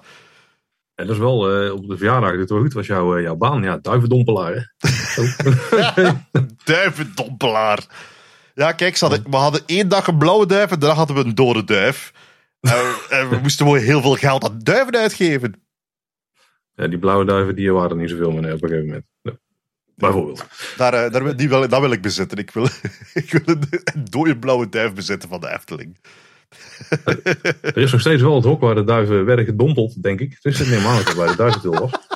Die bestaat nog steeds. Ja, die bestaat nog steeds. Ja. Moeten daar niet een keer een toertje achter de schermen doen? ja. Even voor de mystiek. Oh, jongens, als, als jullie een podcast doen met de kerel die de duiven dompelde, de Efteling daar. daar, daar, daar, nou maar. Dirk de Duivendompelaar. Oh, oh, oh dat is helemaal goud. Een vier uur durend gesprek bij Kleine Boodschap. Daar gaan we er wel een missie van maken om dit voor elkaar te krijgen, dat snap je wel. Hè? Ja, ja, tuurlijk. ik, ik, ben, ik ben nu al daar. Ik heb, een, ik heb een licht vermoeden dat dit onderwerp een klein beetje gevoelig ligt hier en daar. Maar... Nou, we moeten een ex-medewerker hebben. Ja. dat komt goed. Ja, gevoelig. Uh, het, is niet, allee, het is niet mijn uh, ding om jullie vragen te stellen, maar zijn er geen ongevoeligheden aangepast in de Efteling al in de geschiedenis? Oh, jawel. Een aardige, aardige waslijst van maken hoor. Wel, hebben jullie daar al ooit een aflevering gespendeerd? Of zijn jullie uh, niet, uh, niet specifiek over alles wat is veranderd. Dat is ook best interessant. Oh. Ja, het meeste is wel teruggekomen hè, in de nieuwsafleveringen. Ja, ja, ja, maar we hebben het nog nooit gebundeld. Ook niet wat er misschien in het verleden nog is gebeurd. Oeh. Want de die vliegen hier over tafel. We moeten vaker met jou kletsen, Xander. We hebben daar een hele lijst van uh, onderwerpen. Dan kunnen we zo naar de 10.000. Gecancelde attracties van de Efteling, de top 10. De, well, monsieur, komen heel eind. ja. Monsieur Cannibal uh, hoort daar wel bij, zeker? Ja. Ja, zeker. En ik denk dat er ook in carnavalfestivalen wel een paar uh, oude stereotypes verwijderd zijn. Ja? ja, ja, je bent goed op de hoogte. En Fata Morgana, daar zal wel iets. Oh, zal... nee. ho, ho, ho. Niet over praten. Die wil zo beschermend mogen blijven over Fata Morgana. We weten het, we weten het, man. Uh, we hebben nu wel over Fata Morgana, maar als ik een beetje zo uh, naar jouw favorieten kijk in het park, dan is gewoon sfeer, gewoon sferische omgevingen. Dat is wel echt uh, de reden dat jij naar het park gaat, volgens mij. Absoluut. Sprookjesbos, Spookslot, Fata Morgana. Absoluut. Het, het gaat mij echt niet over de, de techniek of de actie of oh, we zijn hoog of oh, we gaan rap. Het boeit mij allemaal niet. Het is... Uh, pakweg Fato Morgano. Het beeld dat ik daar altijd het meeste van onthouden heb, is dat draaiend grote rad waar dat je opstapt voor in de bootjes te geraken. Ja. Dat is een beeld dat mij altijd bijgebleven is. Veel meer dan wat er inhoudelijk in Fata Morgana doorgaat. Dat zijn de dingen die ik onthoud. Dat is, daar kan ik echt van genieten. Ik ben wel benieuwd uh, hoe jij dan straks Dans Macabre gaat ervaren. Want het is natuurlijk de vervanger van het spookslot. Het, het kan er al bijna niet aan tippen, denk ik. Uh, dus, uh, het gevoel zal absoluut niet hetzelfde zijn. Maar daar moeten ze dus wel heel erg inzetten op de sfeer wat jou betreft. Ja, ja, maar is, is er al iets van bekend? Want wat voor attractie dat dat gaat worden? Ja, daar ga je niet vrolijk van worden, denk ik. Het wordt geen achtbaan. Dus dagelijk heb je al, maar het wordt een grote ronde schijf, 18 meter uh, breed. Met daarop zes subschijven. Ja. Uh, en daar staan een kerkbanken op. Uh, 18 personen per schijf, volgens mij. En het geheel kan dan een beetje kantelen en alles kan draaien. Dus die hoofdschijf kan draaien, die subschijven ook. En alles kan kantelen. En het kan nog 2,5 meter ja, omhoog. Ja. Dus wij, wij, verwachten niet dat het allemaal heel snel en spectaculair gaat zijn, maar wel dat ze het gewoon gebruiken om jouw aandacht te richten op verschillende plekken in de omgeving en om je een beetje te laten zwieren op die muziek. Want het gaat vooral om het, het muziekstuk komt wel weer terug. Dat is mm wel, wel een, een, zekerheidje. En uh, ik denk dat wij daar gaan zwieren op, uh, ja, op die klanken. Ja, ik ben bang dat het toch wel wat heftiger zal zijn dan een beetje rondzwieren. Ja, uiteindelijk zal er wel een soort apotheose zijn waarin het wat, uh, wat meer losgaat. Maar ik ga er niet vanuit dat het drie minuten lang uh, puke ride niveautje is, zeg maar. Anders moeten we wel meer hollebolle gijzen plaatsen daar bij de we, hebben, we hebben zes extra hollebolle gijzen geplaatst met Dels Macabre. Niemand weet waarom. Voor de Vlaamse, oh, dat is natuurlijk geen Vlaamse bezoeker die... Uh, uh, sorry, sorry, sorry. ja, jij vertelt het, dus ik die, die associatie leggen meteen. Maar, ja. Gijzen met een intern sprinklersysteem. Ik denk... daarover gesproken, jij, jij vertelde inderdaad dat je niks hebt met, met achtbanen. Mm Heb je dan wel een ander uh, attractietype wat je, wat je heel fijn vindt, wat je, je favoriete attractietype is? Um, ik, eigenlijk gewoon de dark ride. Ik, ik, ik hou enorm van dark rides. Dat is het dingetje. Ik wil wel per se in een kar of in een bootje gaan zitten. Als er water aan te pas komt, vind ik het ook leuk. Maar ik wil niet, ja, ik wil niet vastgehespt worden of omgekeerd hangen of zo. Ik wil dingen kunnen zien en dingen willen ervaren. Dat vind ik het leuke eraan. Ja, ik denk dat het ook wel een voorkeur is die we uh, delen. Ja, ik denk dat dat de Efteling ook sterk maakt ten opzichte van eh, heel veel andere parken in de Benelux. Vlak het bos van Plok niet uit. Ja, doe ik toch een beetje. Uh, maar dat de Efteling op dat niveau ook gewoon grootste attracties heeft. Uh, en dat het niet... Uh, mm-hmm. Nou, een bootje heeft iedereen wel, maar een Fata Morgana heeft zeker niet iedereen. Ondanks dat ze het wel hebben getracht. Ah, kijk naar El Paso Special, hè. Moeten we ook niet uitvlakken. ja, ja, ja. En het, het, paleis van Alibaba, voor wat? India, Indian River. Terra Magma heet dat tegenwoordig natuurlijk. Ja, ja, ja. Um, de muziek in de Efteling is wat ons betreft ook echt altijd een, een highlightje. Zijn er nou muziekstukken die jou, uh, of gewoon muziek in het algemeen, uh, die voor jou iets betekenen? Um, dat is een goede vraag. Ik, uh, ja, natuurlijk Spookslot, maar um, ik vind de meest iconische muziek is natuurlijk die van de, de waterlelies. Om, ja. Omdat voor een of andere reden heb ik dat nummer nog meer gehoord dan buiten de waterlelies. Zodat. Ik, het, dus als je dat ene keer hoort, hangt dat ook weken in je vast. Voor god weet welke reden. En dat is misschien de enige attractie in de Efteling waar ik uh, naar terugblik en denk van, ja, die vind ik nu nog altijd niet zo straf. Ik weet dat we daar een Belgische connectie hebben met dat ding, maar nope. Er gebeurt geen hollen. Er gebeurt echt nog minder in dan in Spookslot. Ja. Het, het is... roep, het, roep, het, niet te hard, want voor je het weet is het weg. Uh, het, het boeit me niet. Uh, het, uh, ja, die koningin is ook al weg. dus ja, zij kan niet meer kwaad zijn. Dat, is, nee, dat nee, maakt nee. niet uit. Nou, het is toch wel een soort van prototype geweest voor het spookslot. Dus zo is het nooit bedoeld. Maar als je gewoon de lijn van de attractie doortrekt, is het er wel geweest. Dus ja. zit ook een spookslot-connectie daar. Tuurlijk, het is ook gewoon binnenwandelen en zeven minuten staan staren naar dingen die in beweging gaan. En hetzelfde nummer dat opnieuw en opnieuw en opnieuw speelt. Maar er gebeurt gewoon nog ietsje meer in het spookslot dan in de, de, de dansende... Ze dansen nauwelijks. Ze draaien gewoon rond. En dan komt er nou een vrouw uit te struiken, die wappert. En, en er zijn ganzen voor god weet welke reden. Het is heel verwarrend, er gebeurt van alles. Maar het is niet echt consequent of zo. Zijn er dan bepaalde sprookjes in het Sprookjesbos waar je wel echt een zwak voor hebt? um, is nadenken hoor. Ik denk alles, alles met wolven vind ik leuk. Als, als het uh, roodkapje is, vind ik cool. Ik vind de wolf en de zeven geitjes vind ik cool. Vooral omdat hij ook aanwezig is. Bij de, bij de ene staat hij aan de deur en ik vind dat een cool beeld ook. Ik vind dat een cool standbeeld. Zou ook een mooie kerstbal zijn. Ik denk zelfs dat er een klein beeldje van in dat museum staat, van die wolf. Met zijn jas aan en zijn, en zijn wandelstok aan de deur. staat. Tekening, tekening staat er wel voor. Ja, klopt inderdaad. Wat het ook is, uh, ik wil het. Maar uh, ja, dat, dat, zijn mijn favorieten. En natuurlijk heb ik ook wel een heel stuk aan mijn, in mijn show gespendeerd aan het meisje met de zwavelstokjes. Omdat dat een belachelijk miserabel sprookje is. Uh, en ik, ik weet nog de eerste keer dat ik daar zag, dat ik direct stond van, wacht, wat?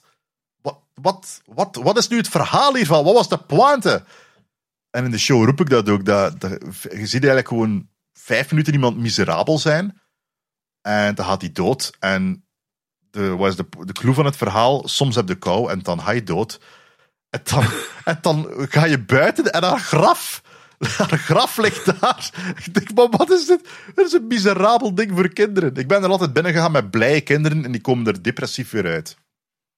Ja, nou hebben ze daar ook alvast een keer meegemaakt. Hè? Terwijl het is wel mooi gedaan. Het wel een coole combinatie van puppetry en zodat, uh, ja, wat is, wat is die techniek? Zo, Pepper's Ghost of zo op een of andere manier, zeker? Zeker, zeker, ja. Ja, dat vind ik wel heel leuk. Hey, je noemt uh, het, bijvoorbeeld het sprookje De Wolf en de Zeven Geitjes. Daar zitten natuurlijk heel veel leuke verborgen details in. Heb je zo wat, wat details in de Efteling in Sprookjesbos of in Laaf of Eltels waarvan je zegt van dat zag ik op een gegeven moment en dat vond ik zo mooi om te zien? Hmm, het is natuurlijk al even geleden dat ik geweest ben, jongens. Maar um, ja, ik vind, wel, ik vind het gewoon überhaupt leuk om daar aan het raam te gaan staan en dingen te beginnen zoeken. En, en te ontdekken wat er effectief beweegt. Want er zijn ook een paar dingen die pas om de zoveel tijd een beweging maken. En Mhm. dat vind ik wel Het fijne aan, als je de Disney-versie van Sprookjes ziet, eh, worden er heel veel dieren toegevoegd. En de Efteling doet dat ook wel op, een beetje op zijn eigen manier. Er zijn altijd wel muizen bezig met iets, of eekhoorns of konijnen, met van alles en nog wat op de achtergrond. En ik vind het heel leuk om te kijken wat, wat er allemaal in het huis ingericht is, wat er allemaal ligt. Eh, Soms vraag ik mij af hoe lang het geleden is dat die nog aangeraakt zijn.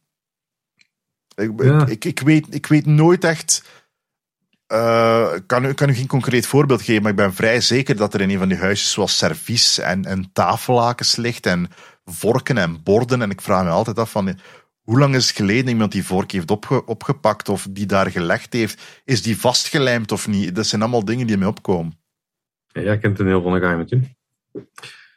Ja, dat klopt. Daar hou je toch gewoon bij. nou ja, ik ga het technisch zeggen, Xander. Maar eh, als je al in het park bent, heb je nog eh, favoriet eten en drinken? Buiten de toren en poffertjes natuurlijk. Eh, jawel, maar ik ben ook zo. Ik ben een van die mensen. Het is altijd wel best dat je reserveert voor veel van die dingen. En ik doe dat dan niet. En dan kan ik voornamelijk op mijn kin kloppen eh, tegen dat het zover is. Eh, dus ik, ik eindig meestal bij de, bij de muur. Weet je, bij de muurtjes waar ik gewoon dingen uit de muur vis. Eh, het enige waar ik echt nog uit mijn baan ga voor is voor die, ja, die, die gigantische toren poffertjes. Maar ik weet, de voorlaatste keer dat ik geweest ben, heb ik ook wel een, een gewone pannenkoek meegepikt. Dat is niet ver van Symbolica, dacht ik. Hè? Nee, tegenover. Ja, een Pols keuken. Ik ben wel benieuwd als Xander iets uit de muur trekt. Wat, eh, wat is je favoriete Hollandse snack? Ja, de, de friet en de frikandel. Dat is eh typische Nederlandse snack. Ja, nee, dus de, soms ben ik gewoon blij met een, een, een, een, een simpel pak friet met, met mayonaise en, en een curryworst. Als het toen maar echt over de snack gaat, hè, geen volledige Ja. maaltijd. Wat is nou de fascinatie eh, met eh, Vlamingen? Tenminste, ik krijg altijd de indruk dat er een fascinatie is bij Vlamingen met onze snackmuren.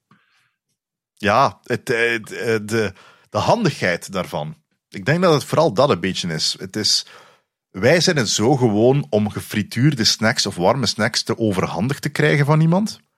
Dus het idee dat dat. Ik vind dat super efficiënt. Ik ben volledig pro, dat is het hem net. Het feit dat er iets is waar je gewoon je geld in de muur kunt steken en het openmaken. En er zit wel effectief iemand achter die het klaarmaakt. Maar je moet die menselijke interactie niet meer hebben. Ik vind dat super handig. Maar eh, ja, wij Belgen zijn dan ook gewoon heel raar uiteindelijk. Ik heb, denk in een van mijn shows heb ik een half uur gespendeerd aan onze frietcultuur. Hoe gewichtig dat we daarover doen. En uiteindelijk, Belgen kunnen zeuren en zeuren over voedsel en eten en maaltijden zoveel ze willen, maar parkeer eender waar een caravan zonder wielen ergens aan een kerk of op een parking. en we eten alles op wat daarin gebakken wordt. Snap je? Dus dat friet is het enige ding dat we eten uit de kot. Frietkot. Hoeveel dingen. Ik, droom meteen weer terug naar Balen, Nassau, Balen, Hertog. Dus kot, dus Ja, dat, dat, die pretentie, nee, ik vind dat geweldig. Ik, uh, ik ben volledig mee, jongens. Oh, maar dan moet ik toch de vraag stellen: hoe vind jij als Belg de Efteling friet? Ik vind die oké. Ik ben, kijk, ik ben ook wel onder de indruk als ik naar Nederland ga en er ligt niet zoiets te veel op mijn bord. Dat er niet bij hoort, zoals een aardbei of een opgelegde pruim of zo.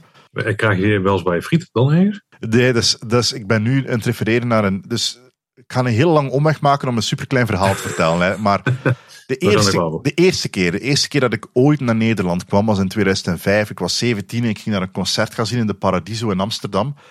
En ik weet dat ik een broodje kaas en hesp kocht in een winkel en er zat een halve aardbei mee in. Dus het was ah. kaas, mayonaise, uh, hesp en een halve aardbei een paar keer. En ik dacht, maar wat kunnen die nu niet? Wat is, wat, wat, hoe, wat, waar en waarom? En ik, ik weet niet of het er iets mee te maken heeft, maar er is dan later een Urbanus-strip uitgekomen. En die heet De Laatste Hollander. En waarin de familie Urbanus op bezoek gaat naar Nederland. En overal waar ze gaan in Nederland breken ze het kot af. En uiteindelijk blijft er niks meer van Nederland over, behalve één man. Maar een soort running joke in die strip, en dat moet op iets gebaseerd zijn, is dat iedere keer als ze iets bestellen van eten, eender waar, wordt er altijd een opgelegde abrikoos of een halve aardbei of een druif. Zelfs als de vader van Urbanus tabak koopt, zit er ook nog een schep opgelegde aardbei. Dus dat zat in mijn hoofd. En dan ben ik, ja, ben ik op tour gegaan naar Neder met, Bourgondische Belgen naar Nederland. En onze presentator is Nederlander zelf, uh, Fouad Hassan. En ik zei, ja, ik vertrouw het eten hier niet, want er gaat waarschijnlijk weer een halve aardbei ergens tussen zitten. En hij keek naar mij, net zoals jullie, van, wat, wat doen wij niet? Waar haal je dat in godsnaam vandaan? En ik zweer het jullie, jongens. Wat wel, wat wel typisch Nederlands eetcafé is, is dat je dan je maaltijd hebt en dat er dan zo'n blaadje ijsbergsla naast ligt. Met een paar plakjes komkommer, een paar plakjes tomaat en een bolletje huzarensalade. Wel, ik zweer het jullie, jongens. We gaan eten de dag dat ik dat verkondig. En we krijgen, net zoals we altijd krijgen, een soort van kipsaté met uh, pindasaus met friet. Want we zijn Belgen, dat is wat we eten. En er lag een halve aardbei op dat bord. en ik zweer het, niemand geloofde mij van, heb je toch meegebracht van thuis? Ik, nee, ik heb niet een halve aardbei meegebracht van thuis om mijn punt te bewijzen. Vandaar maak ik de running joke, er ligt altijd iets te veel op mijn bord in Nederland. Dat is totaal niet waar, maar het is mij gewoon al een paar keer overkomen. Ja, ik, ik, ben trouwens wel benieuwd. Zou je, zou je kunnen zeggen dat eten en drinken in een pretpark zoals de Efteling uh, voor Belgische gezinnen belangrijker is dan bijvoorbeeld voor Nederlanders? Ik denk dat wel, ja. ja kan je dat verklaren? Ik, uh, ik denk dat het ook een beetje te maken heeft met het hele Bourgondische Belgen-ding. wij zijn zo trots op alle rommel die we maken en alle rommel dat we eten. En uh, dat is ook, de, maar, maar ik, ik, ben niet volledig van de overtuiging dat de Nederlanders geen keuken hebben. Of dat de keuken in Nederland gewoon afschuwelijk is überhaupt. Maar dat is natuurlijk een ding. Hè. Als wij ergens naartoe gaan, dan... En hoeveel hebben we betaald ervoor? En is het wel kwalitatief in orde? En iedere friet trekken wij in twijfel. Maar, goh ja, ik schat dingen naar zijn waarde in. Ik ga ook eerlijk zijn, jongens. Ik, als ik naar de Efteling ga, verwacht ik nu ook weer niet een hoogstaand culinaire maaltijd mee te maken. Het is en blijft een pretpark.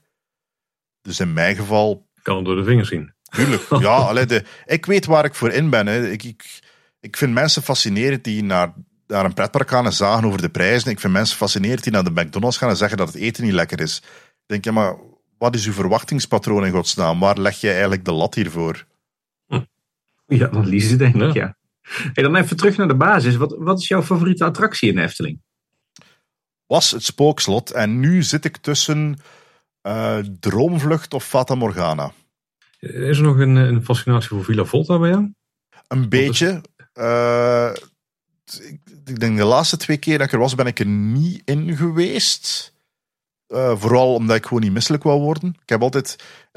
Ik geloof altijd dat ik misselijk ga worden, maar eigenlijk ben ik nog nooit misselijk geworden in Villa Volta. Maar ik denk dat altijd van mezelf. Maar om, om even terug te koppelen naar een vraag die me stelde van de impact die de Efteling heeft op mij op dagelijkse leven. Er zijn wel twee dingen waar ik naar refereer op een soort van wekelijkse basis. En dat is één, een quote uit Villa Volta. Namelijk als die, als die oude man er op die kast zit. dit huis, dit vervloekte huis. Dat doe ik wel een paar keer. als er iets stuk gaat in het huis, of, of er, er gaat iets kapot, of de, uh, ja, ik heb vorig jaar een huis gekocht, dus gekend wel als je een huis koopt. Mm. Dan ontdekte gebreken wel of niet. En het, uh, het huis waar ik woonde toen we nog met elkaar gezoomd hebben de vorige keer was een afschuwelijk huis. Dus ik liep koolstad en daar iedere keer als ik iets beet pakte, brook de klink af. En dan, dit huis, dit vervloekte huis. En ik refereer ook altijd naar uh, huizen waar ik passeer, waar mensen hun gordijnen niet dicht doen als het volk van Laaf woont hier. Want dat is, dat is iets, dat is ook iets heel Nederlands. Jullie doen niet echt aan gordijnen of zo. Ja, wisselend inderdaad. Ja, dat klopt ik, dat is vast, voor, een, voor een Vlaming is dat fascinerend geworden. Ik, iedere keer als ik naar Zeeland ga of zo, dat ik denk, maar wat, hebben, hebben jullie geen schaamte? Ik kan hier gewoon binnenkijken in uw huis. Gebruik rolluiken of een gordijn. Dus ik, en, het volk van Laaf is dat ook. Dus ik, ik zeg altijd, het volk van Laaf woont hier. Even terug naar Fata Morgana en uh, Droomvlucht, want ik liet het zelf ontvoeren. Hm. Graag gedaan. Uh, wel, waarom die twee? Uh, ten eerste, alles is er praktisch aan. En ze zijn ook vrij oud. Ik denk dat Fata Morgana ouder is dan Droomvlucht, of ben ik daar verkeerd? Ja, nee, klopt, ja. Uh, ja, Fata Morgana is natuurlijk ook het dichtste wat we hebben bij een soort van Pirates of the Caribbean. En dat is ook wel een van mijn favoriete attracties. Uh, het is een belevingsattractie. Het is heel sfeervol. Het is een dark ride. Ik zit in een bootje. Uh, ik ontdek altijd wel iets nieuws in Fata Morgana. Ik blijf achter hoekjes spieren en hoeken proberen zien van die attractie dat niet de bedoeling is dat ik zie. Vind ik altijd heel leuk. En Droomvlucht, ja, um, ondanks dat ik daar de wachtrij soms echt te lang vind. En dat snap ik, want dat is ook een tweezitter, dus het duurt dat is exact Peter Pan in Disneyland. Dat is ook zo'n attractie die het eigenlijk niet waard is om twee uur aan te schuiven, want op zes minuten ben je erdoor. Maar uh, ik ben een hele grote fan van het feit dat dat ding u eigenlijk optakelt en dan die volledige cirkel schroefbeweging naar beneden maakt. Ik vind dat geweldig. Ik vind dat heel cool. Je ziet dat nergens anders. Klein beetje de achtbaanervaring. Klein beetje. Ja, ja, ja, maar wel niet met de angst dat, dat ik... Uh, ja, één, ik pas erin. Vind, vind ik al belangrijk dat ik erin pas in de, in de droomvlucht. En ik heb nog altijd een foto van uh, het droomvlucht hier ergens op mijn bureau liggen. Want ik vond het heel grappig om single rider te gaan. Mm Een mhm. van die attracties. Uh. Wacht, ik ben aan het nadenken. Uh, dat gaat niet droomvlucht zijn. Er is, nee, er is, zijn, er is één... Ah, dat zal dingen, het zal Symbolica zijn. Sorry jongens. Ik heb single rider gedaan op Symbolica. En ik heb die foto gekocht van mij en dat Nederlands gezin die, dat, dat maakte mij zo blij. Ik, vond dat, ik heb dat ook gebruikt op een bepaald moment in die talkshow. Ik vond dat heel grappig, dat idee van... Dat is dan een prachtig gezin, uh, ouders met drie kinderen. En dan ik, die er zo mee bij zit. En ik weet nog, die mensen dan die staan te kijken achteraf naar de foto's op de wand. Van, ah, zouden we, kunnen we, precies een beetje teleurgesteld kijken, want staat een lelijke meter 89 Belg mee op de foto. En ik steek ze voorbij en ik heb twee sleutellangers en de foto gekocht van, van dat gezin. en als er een Vlaams gezin had gezeten, die had waarschijnlijk nog prachtig gevonden dat ze met jou op de foto stonden. ja, dat zou nog grappig geweest zijn. Maar ja, dat, dat idee, die mensen hebben geen idee dat er ergens een Belg is met, met zoveel foto's van een gezin in zijn huis.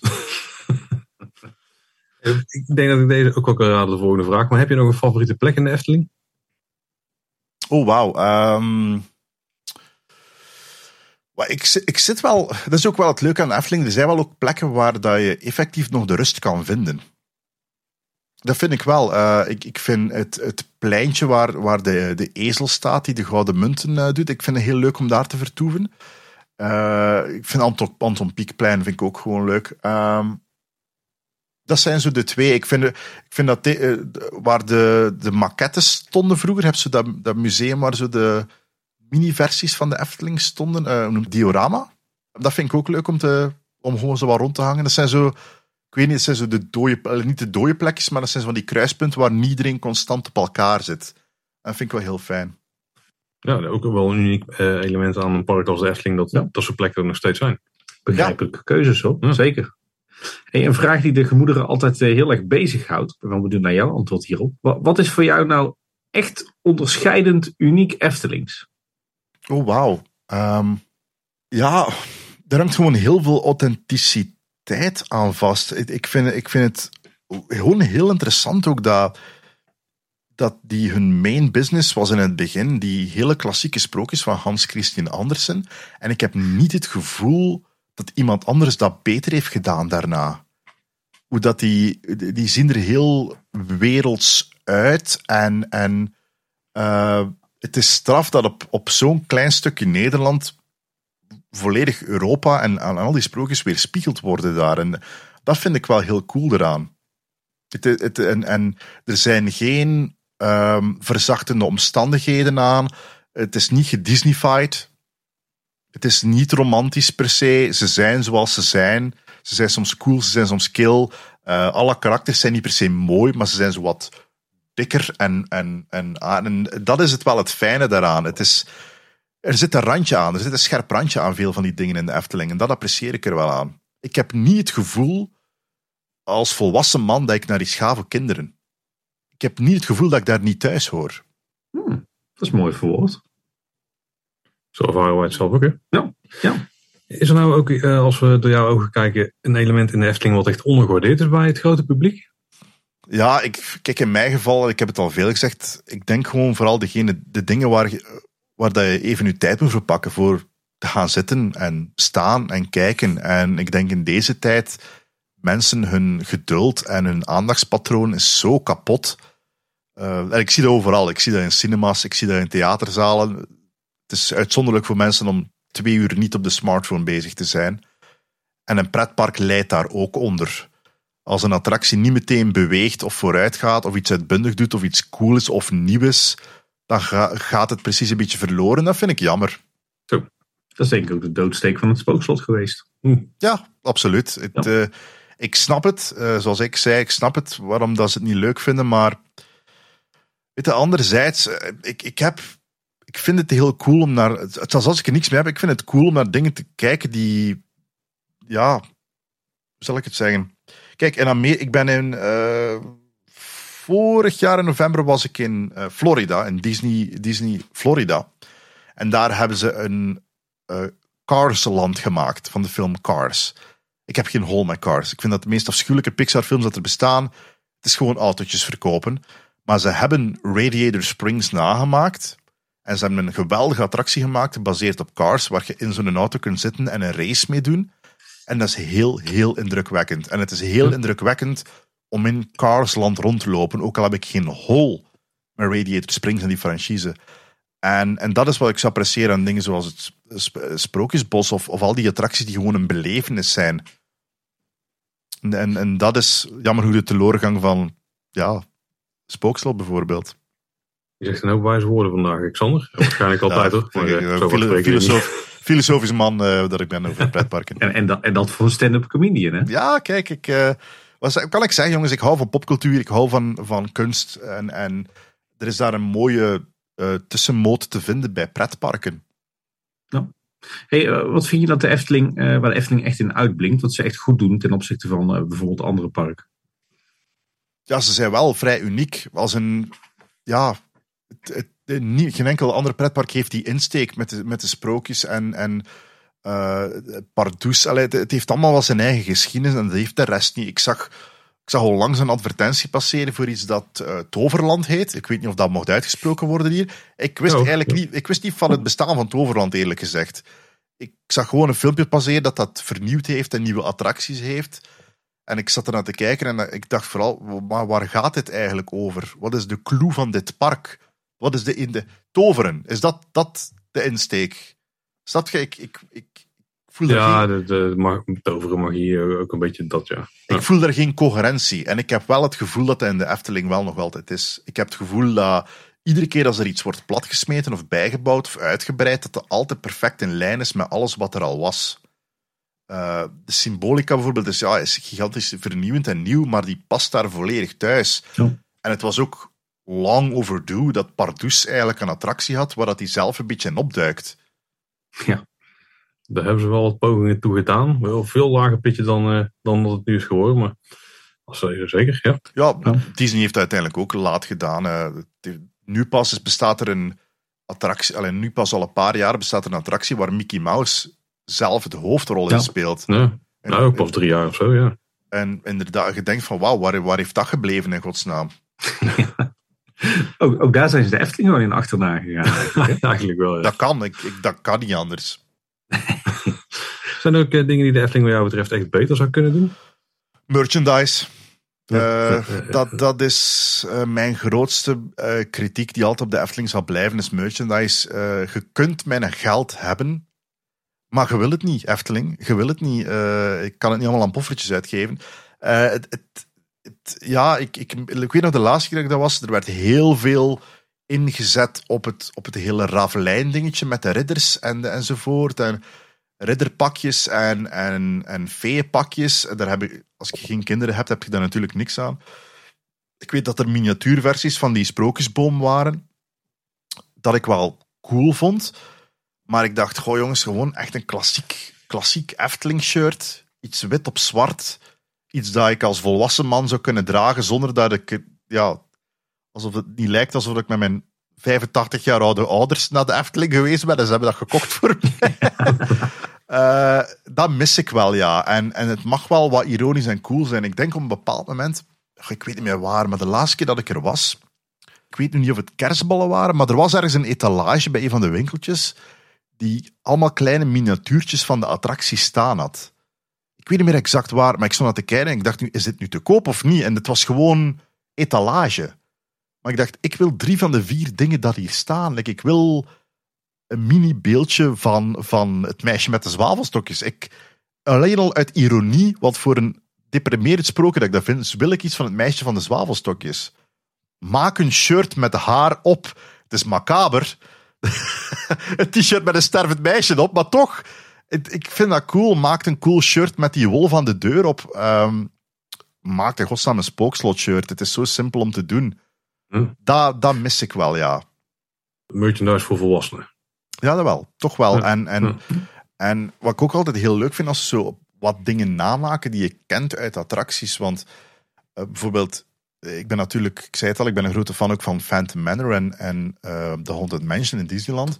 En ik heb daar wel spulletjes van. Zoals in uh, mijn, mijn inkomsthal is behangen in het behangpapier van The Haunted Mansion. Oh. Ik heb, ik heb zo oh. met Madame Leota sprekende bol die, waar mist uitkomt, die begint te spreken tegen u. En ik dacht, ja, dat, dat is zo kleine propdingetjes zoals dat. Een, een mini-kandelaar of zo. Of, of een, een, een, eh, een sneeuwbal met de violen. Klinkt allemaal als souvenirs waar wij ook heel blij van zouden worden. Ja, Een, een, klokje met die, met die dode tuinman aan. die zo, iedere keer als, de, als het de tijd is dat hij zo naar beneden bungelt. Die mag dan iedere acht minuten zijn uh, trucje doen. ja. Dat zijn de dingen die ik mis, ja. Ja, zo op zich qua miniatuurtjes hebben ze wel wat. Tenminste, dat is wisselend aanbod. Ieder jaar heb je een uh, nieuwe collectie. Volgens mij de laatste keer wel iets van het meisje met de zwavelstokjes, toch? Ja, zeker. Je kan het hele gebouw als miniatuurtje kopen. Maar dat is allemaal maar tijdelijk, toch? Ja, dat is allemaal van de, van een externe firma, hè, van de Luviel. Die maken in licentie van de Efteling gewoon heel veel miniatuurtjes. Nou, dus kun je een beetje je eigen diorama bouwen. Mm. En shirts. Shirts, jongens. Allee, de, ik vind dat... Ik eh, ik ben heel rap geneigd om minimum met een shirt naar huis te gaan. En volgens mij zit je nu ook met een uh, Phantom Manor shirt ah, aan tafel, toch? Ja, niet? Ik had het zelfs niet door. Ja, ja dit, is, dit is een Phantom Manor shirt dat ik aan heb, ja. Dat toont het zelfs. Het is een groen shirt en ik draag nooit groene kleren. Ik heb meestal alleen maar zwart aan. Dus de, ik zou het zelfs aandoen. Moest er een shirt uitkomen... ik, ik weet, is het logo van de Efteling veel veranderd al over de afgelopen jaren? Ja, er zijn wel verschillende versies van. Maar het is de laatste twintig jaar wel vrij stabiel. Zoiets. Ja. ja, is er bijvoorbeeld een shirt uitkomen met het eerste logo op. Ja. Heel klassiek. Dat is ook super cool vind. Koop ik, koop ik in een seconde gewoon. Ja, die hebben ze, daar hebben ze wel een soort van variant. Met kleine boodschappen erop. Dat was vroeger het beeldmerk natuurlijk van de Efteling. Maar niet echt met het, het lettertype en zo. Hmm. Nee. Dus nog wat te winnen. Ja. Ik hoor het, uh, Xander die ambieert een uh, parttime baan bij de retail afdeling van de Efteling. Ze moeten het maar vragen, jongens. Ik geef deze dingen gewoon gratis weg. Hè. Om daarna voor veel geld te kopen. Ja, op al wat ik wil is gewoon de merch en ruil. Ik, ik ben wel benieuwd, Xander. Stel dat jij het eh, de komende tien jaar voor het zeggen hebt in de Efteling. Wat, wat zou dan jouw grootste wens of jouw, jouw gedroomde toekomstbeeld voor de Efteling zijn? Maar ik gooi alle acht banen plat. Uh, uh, nee, ik, um, goh, ik denk... Um, is nadenken hoor. Doet de Efteling veel Efteling by night dingen? Zo nacht, nacht Eftelingen? Steeds minder. Dat zou, ik, dat zou ik wel weer, dat vind ik cool. Zo op, zeker rond Halloween of zo. Uh, de latere klok voor de Efteling zou ik wel graag terugbrengen, bijvoorbeeld. Ik zou dagen zonder kinderen installeren. Ik weet niet of dat bestaat. Nog niet. Mag toch, het is niet, het is niet kinderen uitsluiten, maar zo één dag per jaar is het alleen maar volwassenen. Ah, nou ja. Ik voel er ook wel wat voor hoor. Wel even, wel even oppas regelen. Tuurlijk, het kan zijn dat het een gigantische braspartij wordt. En, uh, Ik weet niet of er veel alcohol verkocht wordt in de Efteling eigenlijk. Wordt er alcohol verkocht in de Efteling? Wordt, wordt wel verkocht, maar uh, het is niet dat het overal in je mik wordt geschoven of zo. Ja, dat is niet... wel wat speciaal, wat speciaal biertjes hier en daar. Het zijn wel vaak Belgen, valt Ja. Die toch het risico nemen om zich dan ja. kwaad te... Okay, welke zelfrespecteerde Vlaming gaan naar de Efteling om bier te drinken eigenlijk, in godsnaam. Uh, ja, dat zijn de dingen die ik zou terugbrengen. En ik, ja, ik, ik, ik, zou durven meer inzetten op de volwassenen. Ja, hoe stom dat dat ook klinkt. Ik weet dat het een pretpark is en het is in een C bedoeld voor kinderen, maar uh, ja, het zijn geen kinderen die nu momenteel 340 afleveringen van een podcast gemaakt hebben over de Efteling. Nee, precies. Dus, nee, ik, denk dat, ik, denk dat, als er een park is wat juist bij uitstek ook geschikt is voor volwassenen, dan is dat de Efteling juist. Ja, tuurlijk. Het is, het is intussen een generatieoverschrijdend pretpark aan het worden. Mensen die als kinderen gingen, gaan nu met hun kinderen. En in ons geval pakken we de grootouders en de tantes en de onkels ook mee. Ja, zo zijn jullie. Ja. Ik zal er al bijna door al onze vragen heen. Bijna al. Misschien denk je, wat duurt het lang. Maar we hebben een paar dingen al regelmatig aangehaald. Maar de, de, het uitsluitsel hebben we nog niet gekregen. Dus um, ik ben heel benieuwd. Wat is jouw favoriete park buiten de Efteling? Oh, wauw. Uh, dat zal met voorsprong Universal Studios Los Angeles zijn, ja. Los Angeles ook. Los Angeles, ja, daar wil ik wel heel duidelijk bij zijn. Los Angeles. En dat is voornamelijk omdat daar, ja, zoals ik zei, daar worden de dingen ook gemaakt. Dus bovenop het parkgedeelte is het gewoon heel cool dat die tour daarbij zit.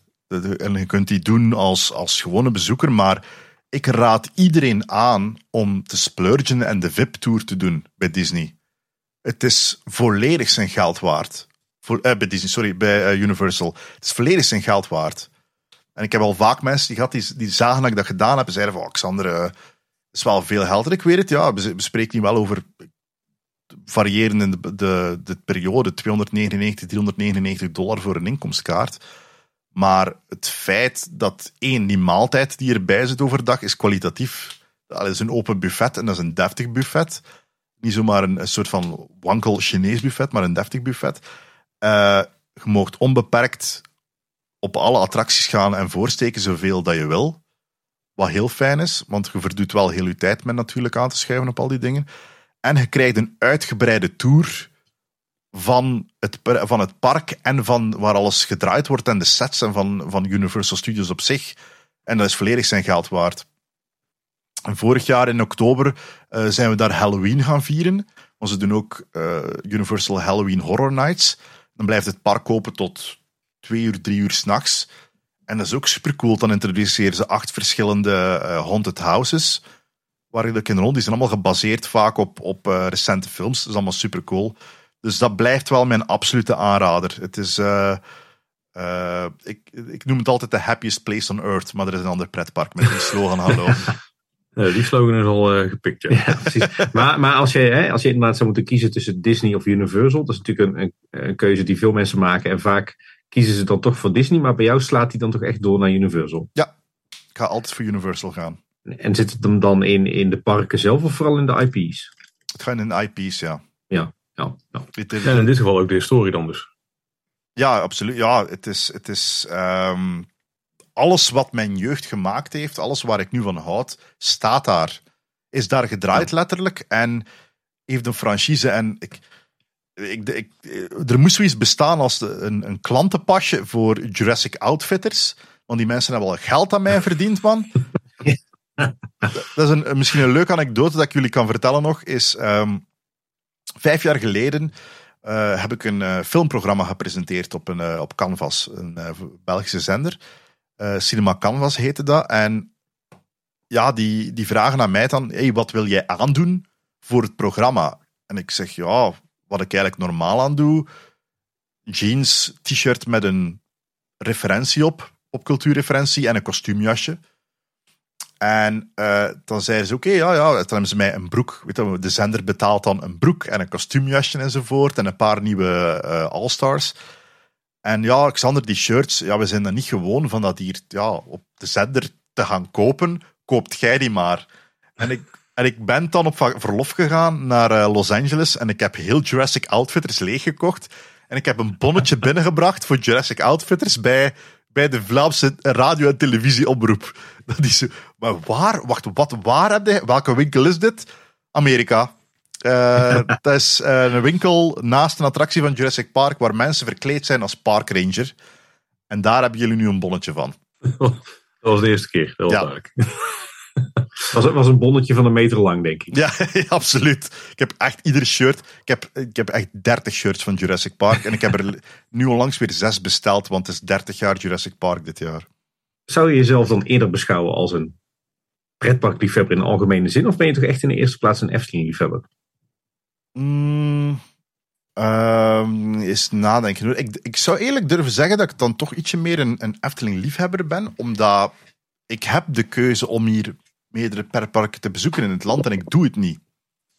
En ik kan vrij eerlijk zeggen, als ik nu binnenkort weer iets, uh, zoals ik net zei, een goede vriend van mij, uh, collega, uh, heb ik net voor zijn verjaardag een bon gegeven voor de Efteling, uh, om met zijn zoontje te gaan deze zomer. Snapte, dat is waar het eerste waar mijn gedachten ja. naartoe ja. gaan. Ik wil heel iemand goed, een leuke activiteit geven, wat dan stuur ik ze naar de Efteling. En ja. nooit naar Plopsa of naar Bobbejaanland. de, de, Efteling is top of mind om met een heel lelijk uh, begrip te schermen. Absoluut. Ja. Waar ik natuurlijk ook wel heel benieuwd naar ben, is uh, buiten je favoriete park, wat dan je favoriete attractie is. Die niet per se in hetzelfde park hoeft te liggen. Oh, wauw. Uh, ja, natuurlijk Jurassic Park The Ride. Maar ehm, Transformers in Universal vind ik heel cool, want dat is de beste film van Transformers tot nu toe. die zat, die zat in het park, ja. zes minuten lang en dat is de enige reden waarom dan die films mogen bestaan, is voor die attractie. Want veel attracties zijn daar van die 4D-attracties. Je gaat nooit ergens naartoe. Uh, je zit gewoon in een karretje en dat, dat creëert de illusie van vallen of bewegen. En ik vind Transformers de beste. Uh, ik vind natuurlijk Haunted Mansion in, uh, in Disneyland heel cool. Ik vind de Indiana Jones attractie in Disneyland Anaheim heel cool. Ja. Dat, ik vind het altijd heel cool als een attractie erin slaagt om u de film te doen beleven.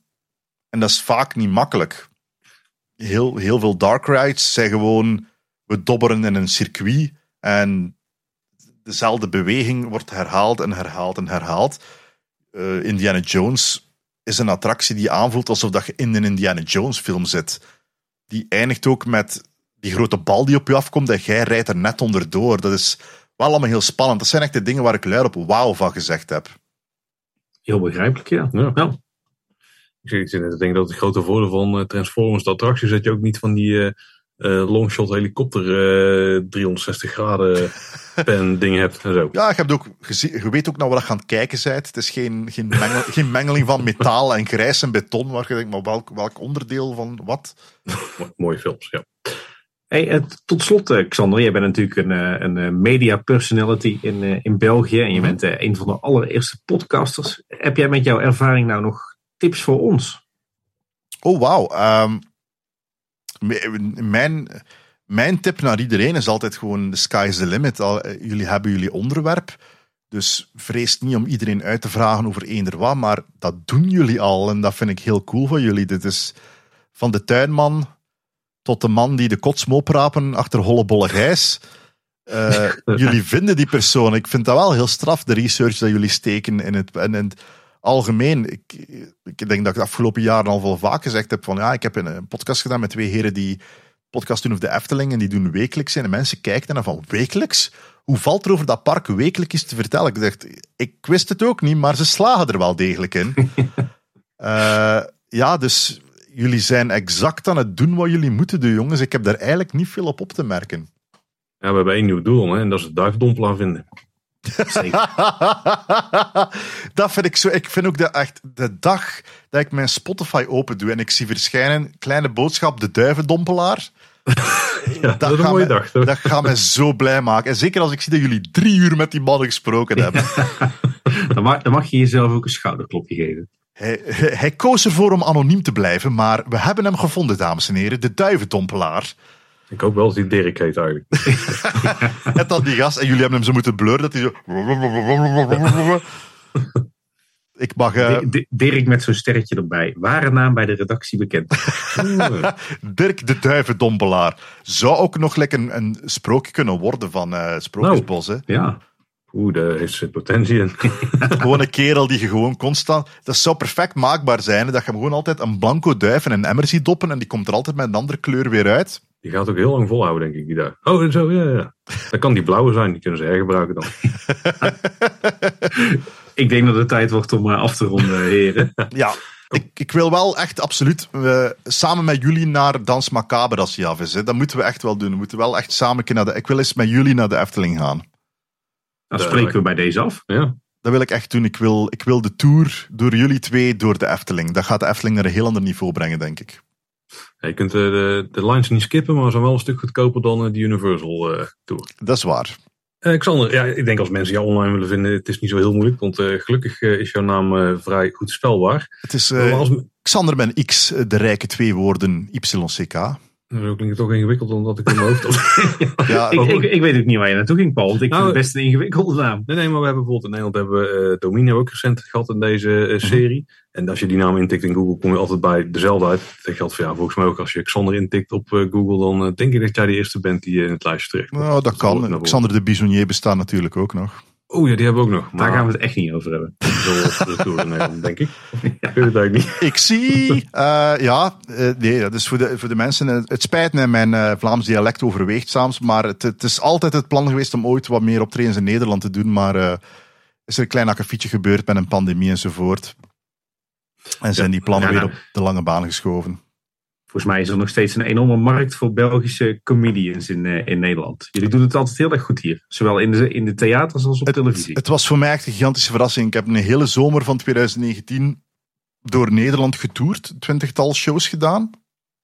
En dat was heel leuk en heel spannend. En ik pas mentaal natuurlijk ook wat meer aan als ik in Nederland sta. Ik praat wat trager, want dat is nu eenmaal mijn tongval. Is uh, rap en heel veel letters inslikken. Uh, maar het was heel fijn en ik heb me heel erg geamuseerd. En het, het wat dat wij in België niet hebben is, in Nederland komen mensen af op een avondje comedy. Eender de naam. Mensen komen af op een avondje comedy. En dat is in België totaal niet het geval. Daar is, wie komt er, wat is dat en wat heeft hij allemaal gedaan op televisie? Dus, hm. uh, en, en uh, ja, jullie geven soms vaak een staande ovatie, spontaan. Dat, is, uh, dat gebeurt niet vaak in dit land, dat mensen spontaan ovaties geven. Dus het is mij heel goed bevallen eigenlijk. Ik denk dat het komt uh, doordat het niveau van de, de Belgische comedian gewoon uh, mijlen ver hoger ligt dan het van de Nederlandse comedian. Jullie zijn gewoon grappiger. Uh, da, da, dank u wel. Ik, ik denk het, het vooral te maken met tempo. Het is een tempo dingetje wel. Ik voel dat jullie graag nogal een verhaal vertellen. En wij nou, gaan ik, ik denk, rapper naar de grap. Ik denk dat de, de werkelijke reden is dat, dat Belgische comedians lang niet zo vaak heel erg zuur zijn. Terwijl Nederlandse comedians hm. zijn dat vaak wel. Ja, ik, ik had meer altijd het gevoel dat er gewoon heel veel cabaretiketet in zat. Gewoon veel. Ik ga een verhaal vertellen over mijn dode vader, maar eerst twee nummers en een gedicht. Ik dacht, wacht, dit, dit was toch een. Was dit geen comedy show? Wat, wat gebeurt er nu in godsnaam? Ja, ja dat is ook eens. niet helemaal hetgene waar ik voor zou gaan. Ik denk dat uh, Philip Geubels ook wel uh, de weg voor de Vlaamse comedian heeft uh, Tuurlijk, er is, opengelegd hier. Er is niks meer one-liner gerelateerd dan Philip Geubels gewoon. Volgens mij nog, uh, ligt er nog een stukje rivaliteit? Want ik zag dat jullie uh, vaak in dezelfde finales hebben gestaan bij comedy uh, mm wedstrijden of zo. En dat was een beetje stuivertje wissel wie dan met ja, de beker naar huis ging. We hebben die strijdbijl eigenlijk officieel begraven begin dit jaar, ja. Omdat het echt belachelijk werd ook. dat is wel een dingetje geweest even, want Filip en ik zijn rond dezelfde periode begonnen. En we hebben telkens tegenover elkaar gestaan in de finale van drie verschillende comedywedstrijden. En ja, daar, daar kom je nu eenmaal vijandig uit. Dat is heel frustrerend, maar als je...